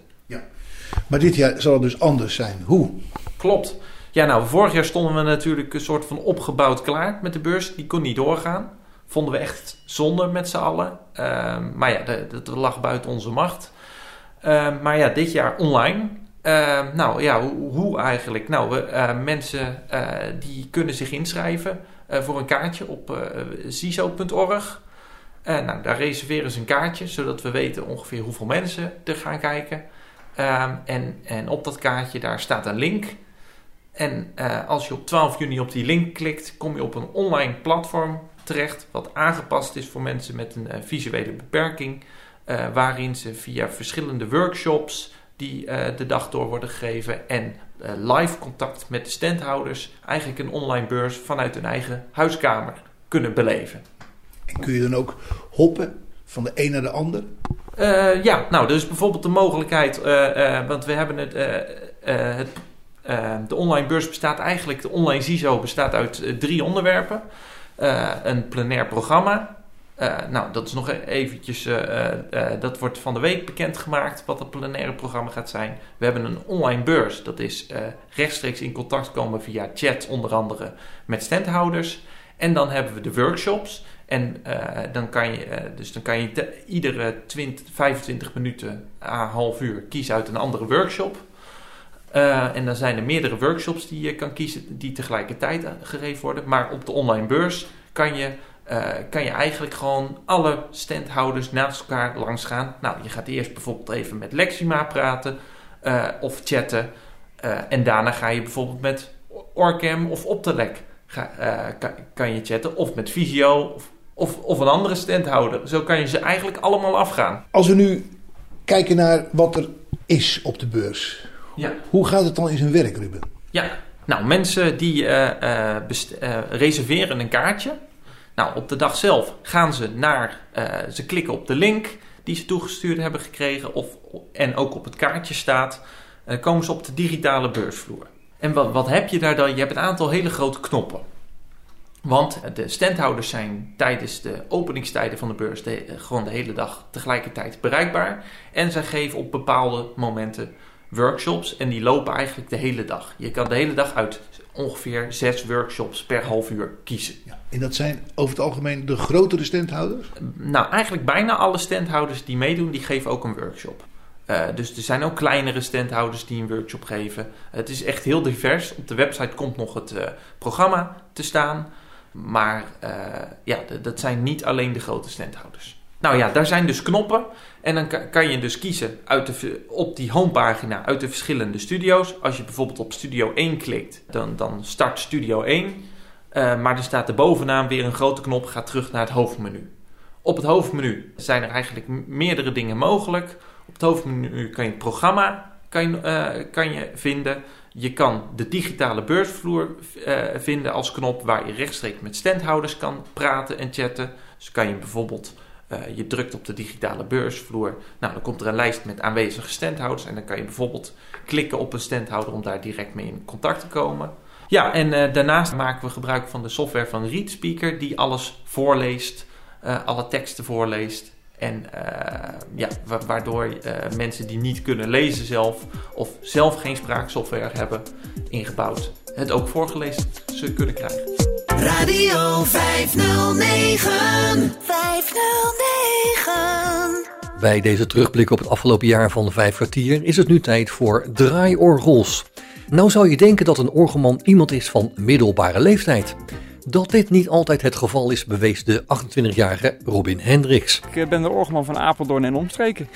Hoe kom je aan die baan, Robin? Eh, het is echt begonnen als hobby. Als kleine jongen ben ik helemaal in ieder geval gefascineerd door draaiorgels. En ik heb altijd gezegd, ik wil een draaiorgel hebben. En eh, ja, dat is uiteindelijk gelukt. En dat Ja. gaat van kwaad tot erg van hobby naar werk. Ja, ja. Ik ben geboren op, eh, in 92, dus ik ben nu 28 jaar. In Apeldoorn? Niet in Apeldoorn, ik kom uit Nieuwkoop.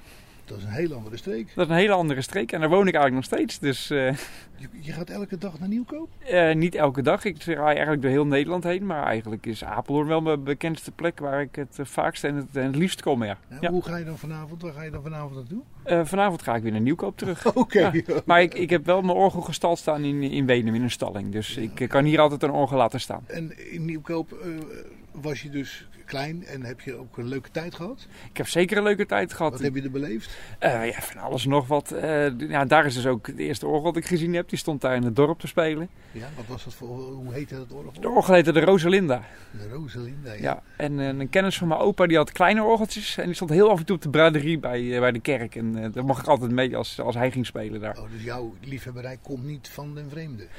Ja, nou ja, mijn opa die, die ging altijd overal en ergens heen om te kijken en te doen. En die nam me altijd mee. En, en, en ook naar orgeltjes toen, naar stoommachines, eh, naar trekkers. Dan weet, weet ik het wat allemaal. Al, alles wat oud was, dat vond ik interessant. Dus, eh, En ja. hij ook? En hij ook, ja zeker, absoluut. Ja, ja, ja, ja.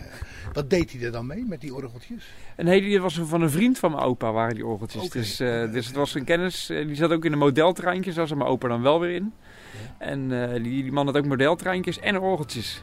Dus zo konden ze elkaar weer. En van de kerk, gereformeerde kerk die er zat allemaal. En weet ik dat allemaal. Ja, genoeg. Ja, inderdaad. Dus, eh, dus daar konden ze elkaar weer van. En eh, hoe ben jij, eh, zeg maar, in contact gekomen met orgels? Ja, nee, ja, ik... graag gedaan, fijne dag, hè. Hey, ik heb toen nog als kleine jongen ben ik helemaal idolaat eh, geraakt door orgels. Ja, gewoon gefascineerd door de beeldjes, door de poppetjes. En eh, het orgel stond daar te spelen en ik wilde niet weg. En toen heeft, toen heeft mijn moeder een cd gekocht van het orgel. En eh, dat was de enige reden waarom ik eh, überhaupt nog naar huis zou willen. Anders had ik er nog gestaan, denk ik. Ja. Ja, welk orgel was dat? Ja, de Rosalinda. Oh, dat was de Rosalinda. Ja, Oké, ja. oké, oké, ja, ja, oké. Ja, want van elk orgel is ook wel een cd gemaakt, denk ik. Ja, zelfs LP's, cassettebandjes, van, van alles en nog wat, ja. Ja, want een oude kennis, een goede vriend van mijn ouders, Mhm. Gouweloos. Ja. Hè, die altijd eh, voor de Jo- Le- Leon Wanny Stichting eh, Ja. actief is geweest. Even kijken, 1964 is er een stichting opgericht, dat heette de Leon Wannies Stichting. En die Leon Wannies Stichting die verzamelde dus geld in. En dat geld dat werd gebruikt voor mensen die oude orgels kocht en die dus ja, wel een paar centjes konden verdienen, zeg maar hadden zelf wel wat geld. Dus die, eh, die vereniging of die, die, die stichting, die stakken dan de koppen bij elkaar en kijken voor wie of het was en wat ze ermee gingen doen. En er werd er dus een bedrag vastgesteld. Meestal was het zo dat ze kregen dus een eh, bedrag in leen en ze kregen een bedrag in, in eh, wa- wat ze mo- mochten houden. En zo is het gaandeweg steeds beter gegaan. Die bestaat nog, hè, die Leon Woningstichting? Nee, die is eigenlijk een paar jaar geleden is die opgegeven. Ja, waarom? Eh, sowieso omdat eh, de, ze nog één groot project hadden en die wilden ze eh, eh, helemaal beëindigen. En daar hebben ze al het geld ingestoken wat ze wilden en dan was, de- was de stichting eh, En klaar. wat was dat project? Eh, dat was Druigel de Gouwe, die stond eh, in, in het Heineken Museum in Amsterdam. En dat was best wel een historisch orgel. En die hebben ze helemaal met eigen financiën hebben ze die gerestaureerd en eh, cadeau gedaan aan een Druigelmuseum in Haarlem. Want de Leon Woningstichting die zorgde ervoor, althans stimuleerde dat die orgels niet naar het buitenland gingen. Ja, die hebben daar eh, mee, mede aan, eh, aan bijgedragen inderdaad. En ook een paar orgels weer uit het buitenland teruggehaald, dat klopt. Ja, absoluut.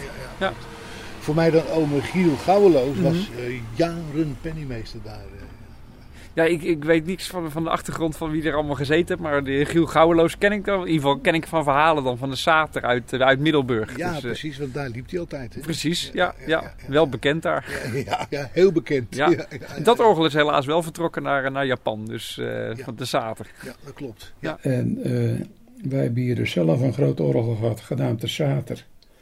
Daar hebben we hiermee in Middelburg gedraaid van 1974 tot 1987. Een heel oud orgel gebouwd in België rond de vorige eeuwwisseling, 1900. En het werd ons een beetje te groot. We waren ouder en we hadden een wat kleiner orgel genomen. Toen hebben we deze verkocht aan een jongeman in Alkmaar. Die was er ontzettend gelukkig mee. En wat gebeurde er? Binnen de twee jaar verkocht hij hem naar Japan. En in 1989 is de Sata dus verdwenen naar Japan. Maar goed, dan even terug naar jouw eh, heden, zeg maar. Ja. Eh, je bent dus eh, groter geworden en naar deze streek. Hoe kom je aan een orgel? Hoe heb je dit orgel in handen gekregen, heet dat dan? Ja, die kom je tegen.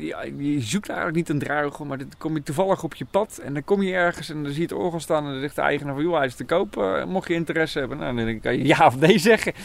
Nou ja, en, Is het echt zo? Ja? eh, ja, bij de meeste wel, ja. En m- mijn eerste orgel die ik had, die ben ik dan wel tegengekomen in het Openluchtmuseum.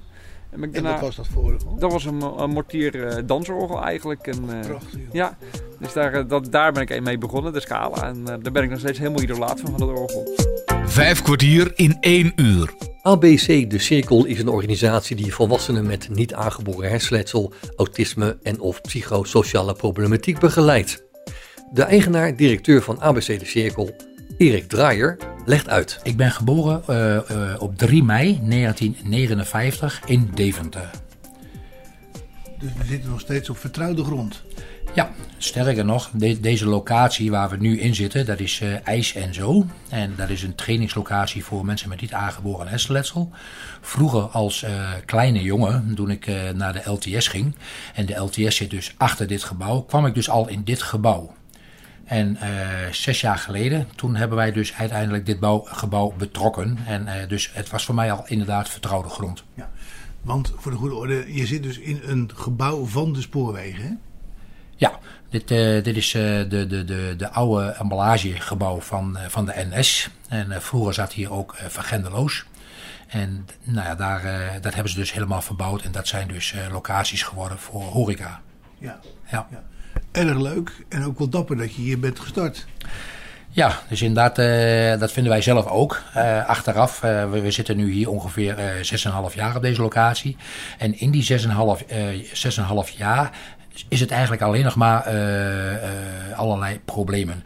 Ze hebben een, een grote eh fietsenstalling hier ondergebouwd. En nou, wij zaten dus letterlijk in de verbouwing. En niemand die ons ook kon zien. Maar we hebben toch de gok gewaagd om hier dus te gaan beginnen. En nou, uiteindelijk, net voor de corona, hadden wij zoiets van... oké, nu begint het een beetje te lopen. De verbouwing is achter de rug, we zijn weer zichtbaar. En toen kwam de corona. En nou ja, dus we zijn nu net eigenlijk weer eh, een, een, een twee maand ongeveer goed op weg... om dus eh, nou ja, weer een beetje eh, te gaan draaien. Ja. Ja. Een beetje te gaan draaien, want tijdens corona was het echt stil. Ja, de, de corona, eigenlijk hadden we beter dicht kunnen gaan. We hadden dus zo weinig cliënten. Maar omdat we dus met een doelgroep werken en we hebben enkele cliënten die kunnen dus eigenlijk gewoon niet thuis zijn. Op het moment dat ze thuis zijn, dan, dan worden ze echt heel depressief. Dus we hebben gezegd van dan gaan we dus eh, een, een kleine soort toonbankfunctie, een afhaal, wat dus van de overheid ook mocht. Dus we hebben een, een, een kleine toonbank bij de deur neergezet. Eh, maar ja, de meeste mensen bleven natuurlijk al thuis en we zitten op het station. Dus reizigers hadden we ook bijna niet. Dus eh, ja, als je dan gemiddeld eh, 50, 60 euro op een dag als omzet had, nou ja, dan, dan mocht je de handen dichtknijpen. En, nou ja, elke ondernemer of elk ander mens kan wel bedenken dat je voor 60 euro geen locatie kunt draaien. Dus dat, eh, daar heeft heel, heel veel geld bij gemoeten in die anderhalf jaar. Heb je dat ook gekregen van de overheid? Ja, we hebben een, een stukje ondersteuning van de, van de overheid gekregen. En eh, omdat IJs en Zo is een, een trainingslocatie van ABC De Cirkel in Olst. En eh, ABC De Cirkel die heeft dus vanuit hun eigen eh, beheergroep dus elke maand het verlies erbij gedaan. Om dus toch deze trainingslocatie open te houden. Omdat het ook een, een belangrijke is.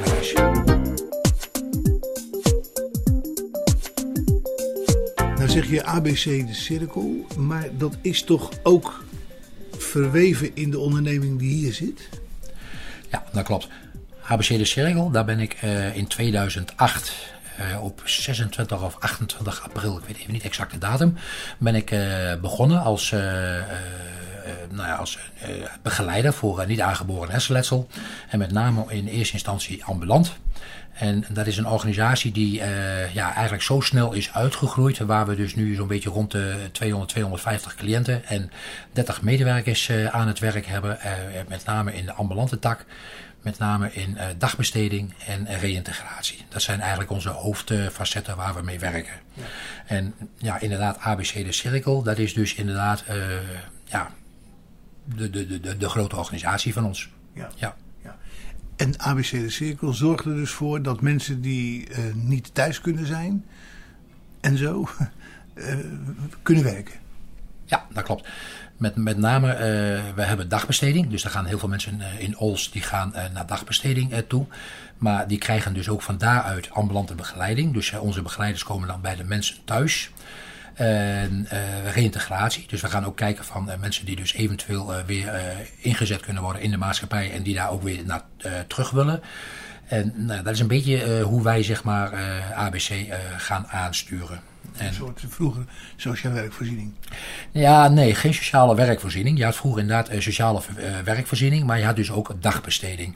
Nou, dat, dat stukje hebben wij eigenlijk een beetje naar elkaar toegetrokken. En we hebben dus, ja, bij ons heb je dus eigenlijk alles onder één dak. Dus je hoeft dus niet meer eh, naar een losse sociale voorziening of je hoeft niet meer naar een losse eh, dagbesteding. Bij ons is dat allemaal eh, in huis mogelijk. Dus wil je bijvoorbeeld inpakwerkzaamheden doen, wat je normaal bij een sociale voorziening zou doen. Dat zou je dus nu bij ons in dagbesteding kunnen doen. En van daaruit gaan onze begeleiders ook kijken of er dus een mogelijkheid is dat mensen dan op die manier ook weer terug kunnen.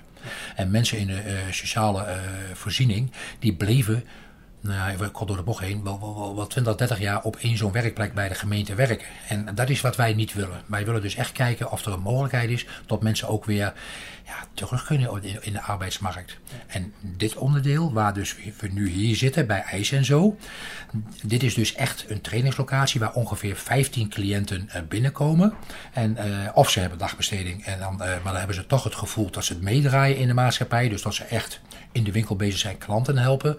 Maar vanuit hier begeleiden wij ook mensen terug in de arbeidsmarkt. Dus we hebben hier ook al een x aantal mensen geplaatst die dus een baan ergens anders hebben gevonden. Ja. Dat is best uniek. Ja, wij, wij, wij, ja, wij zijn wel heel trots op eh, wat wij doen. En eh, inderdaad, eh, het is uniek. En ja, we, we nemen ook zelf mensen aan met een beperking. Dus die werken hier ook. Dus die hebben gewoon eigenlijk het salaris van, van, ABC de Cirkel. En deels een stukje aanvulling van het UWV. Maar ja, we, daar zijn we blij mee. Dat is ja, het mooiste wat je kunt doen. Ja.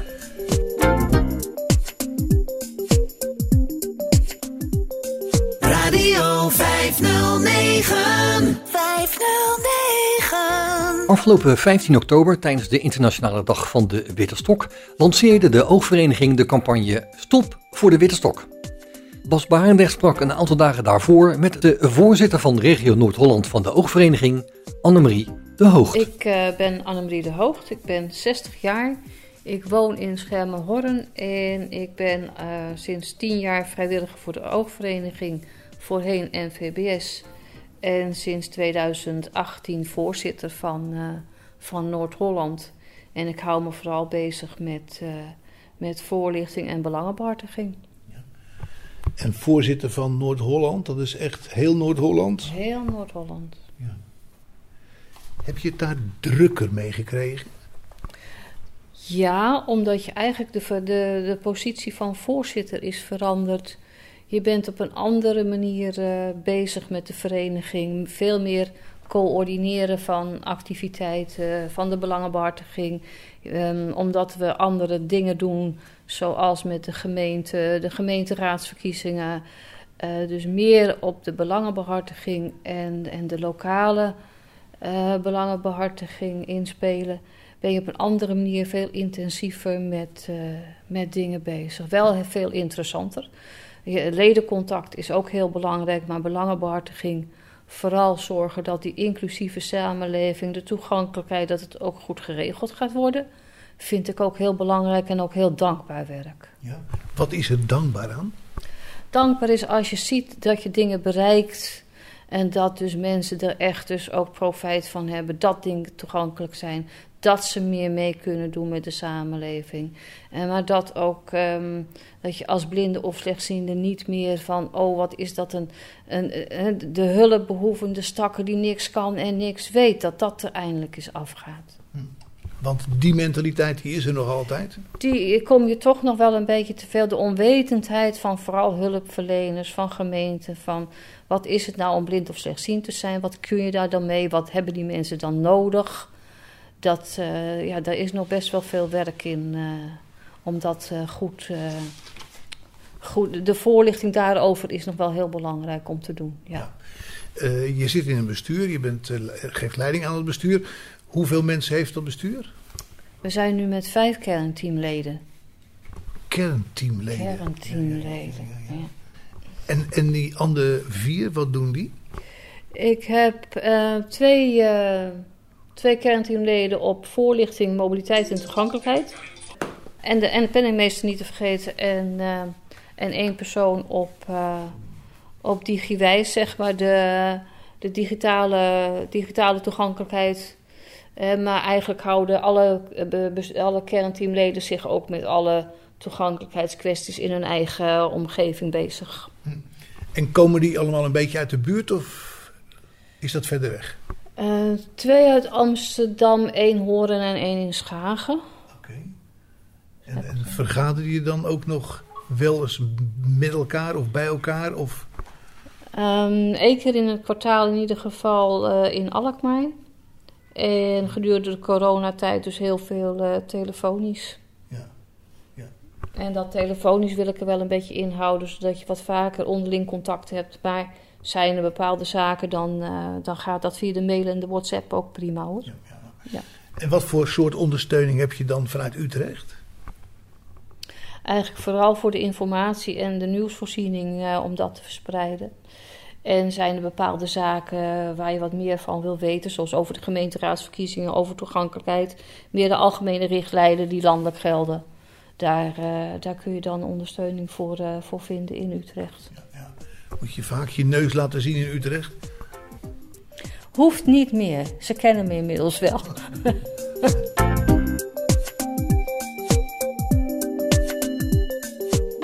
Radio 509. 509. En persoonlijk, waar ben je geboren? Ik ben geboren in Alkmaar. Dus wel in de buurt. Ja. Dus geboren en getogen in Alkmaar. En eh, een poosje in Enkhuizen gewoond. En later weer eh, via Herengewaard en eh, weer terug in de gemeente Alkmaar in Schermenhorn. Ja. Je zag toen goed. Ja. ja. Dus je hebt ook op een normale school gezeten, normale schoolopleidingen gevolgd. Ja. En wat was je toen? Wat zeg je? toen? Wat was je toen, toen je ermee klaar was met die school? Eh, ik, ehm, eigenlijk, ik heb een HAVO, een HAVO-diploma, dus zeg maar algemeen. Dus ik heb niet echt een vakopleiding gehad. Ik wilde toen naar de, wat toen de tijd de Pedagogische Academie heette. Maar ik was wel even klaar met studeren. Dus ik denk, weet je wat, ik ga even in de tussentijd eens kijken wat er aan banen is. En toen ben ik, eh, heb ik gesolliciteerd bij, eh, bij het ziekenfonds, het onderling waarborgfonds, eh, ziekenfonds in Alkmaar. wat nu Unive heet. En daar werd ik direct aangenomen. En daar heb ik uh, intern een aantal cursussen gedaan. En, uh, en wat moest je daar gaan worden? Ik heb gewerkt op de ledenadministratie.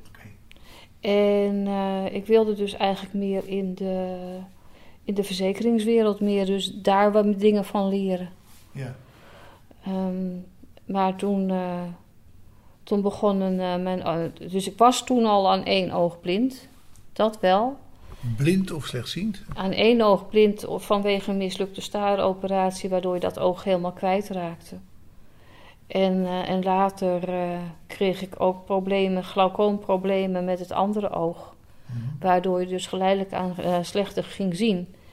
En toen vond toen vond het ziekenfonds het beter om via de ziekte, ziektewet de WHO maar in te sturen.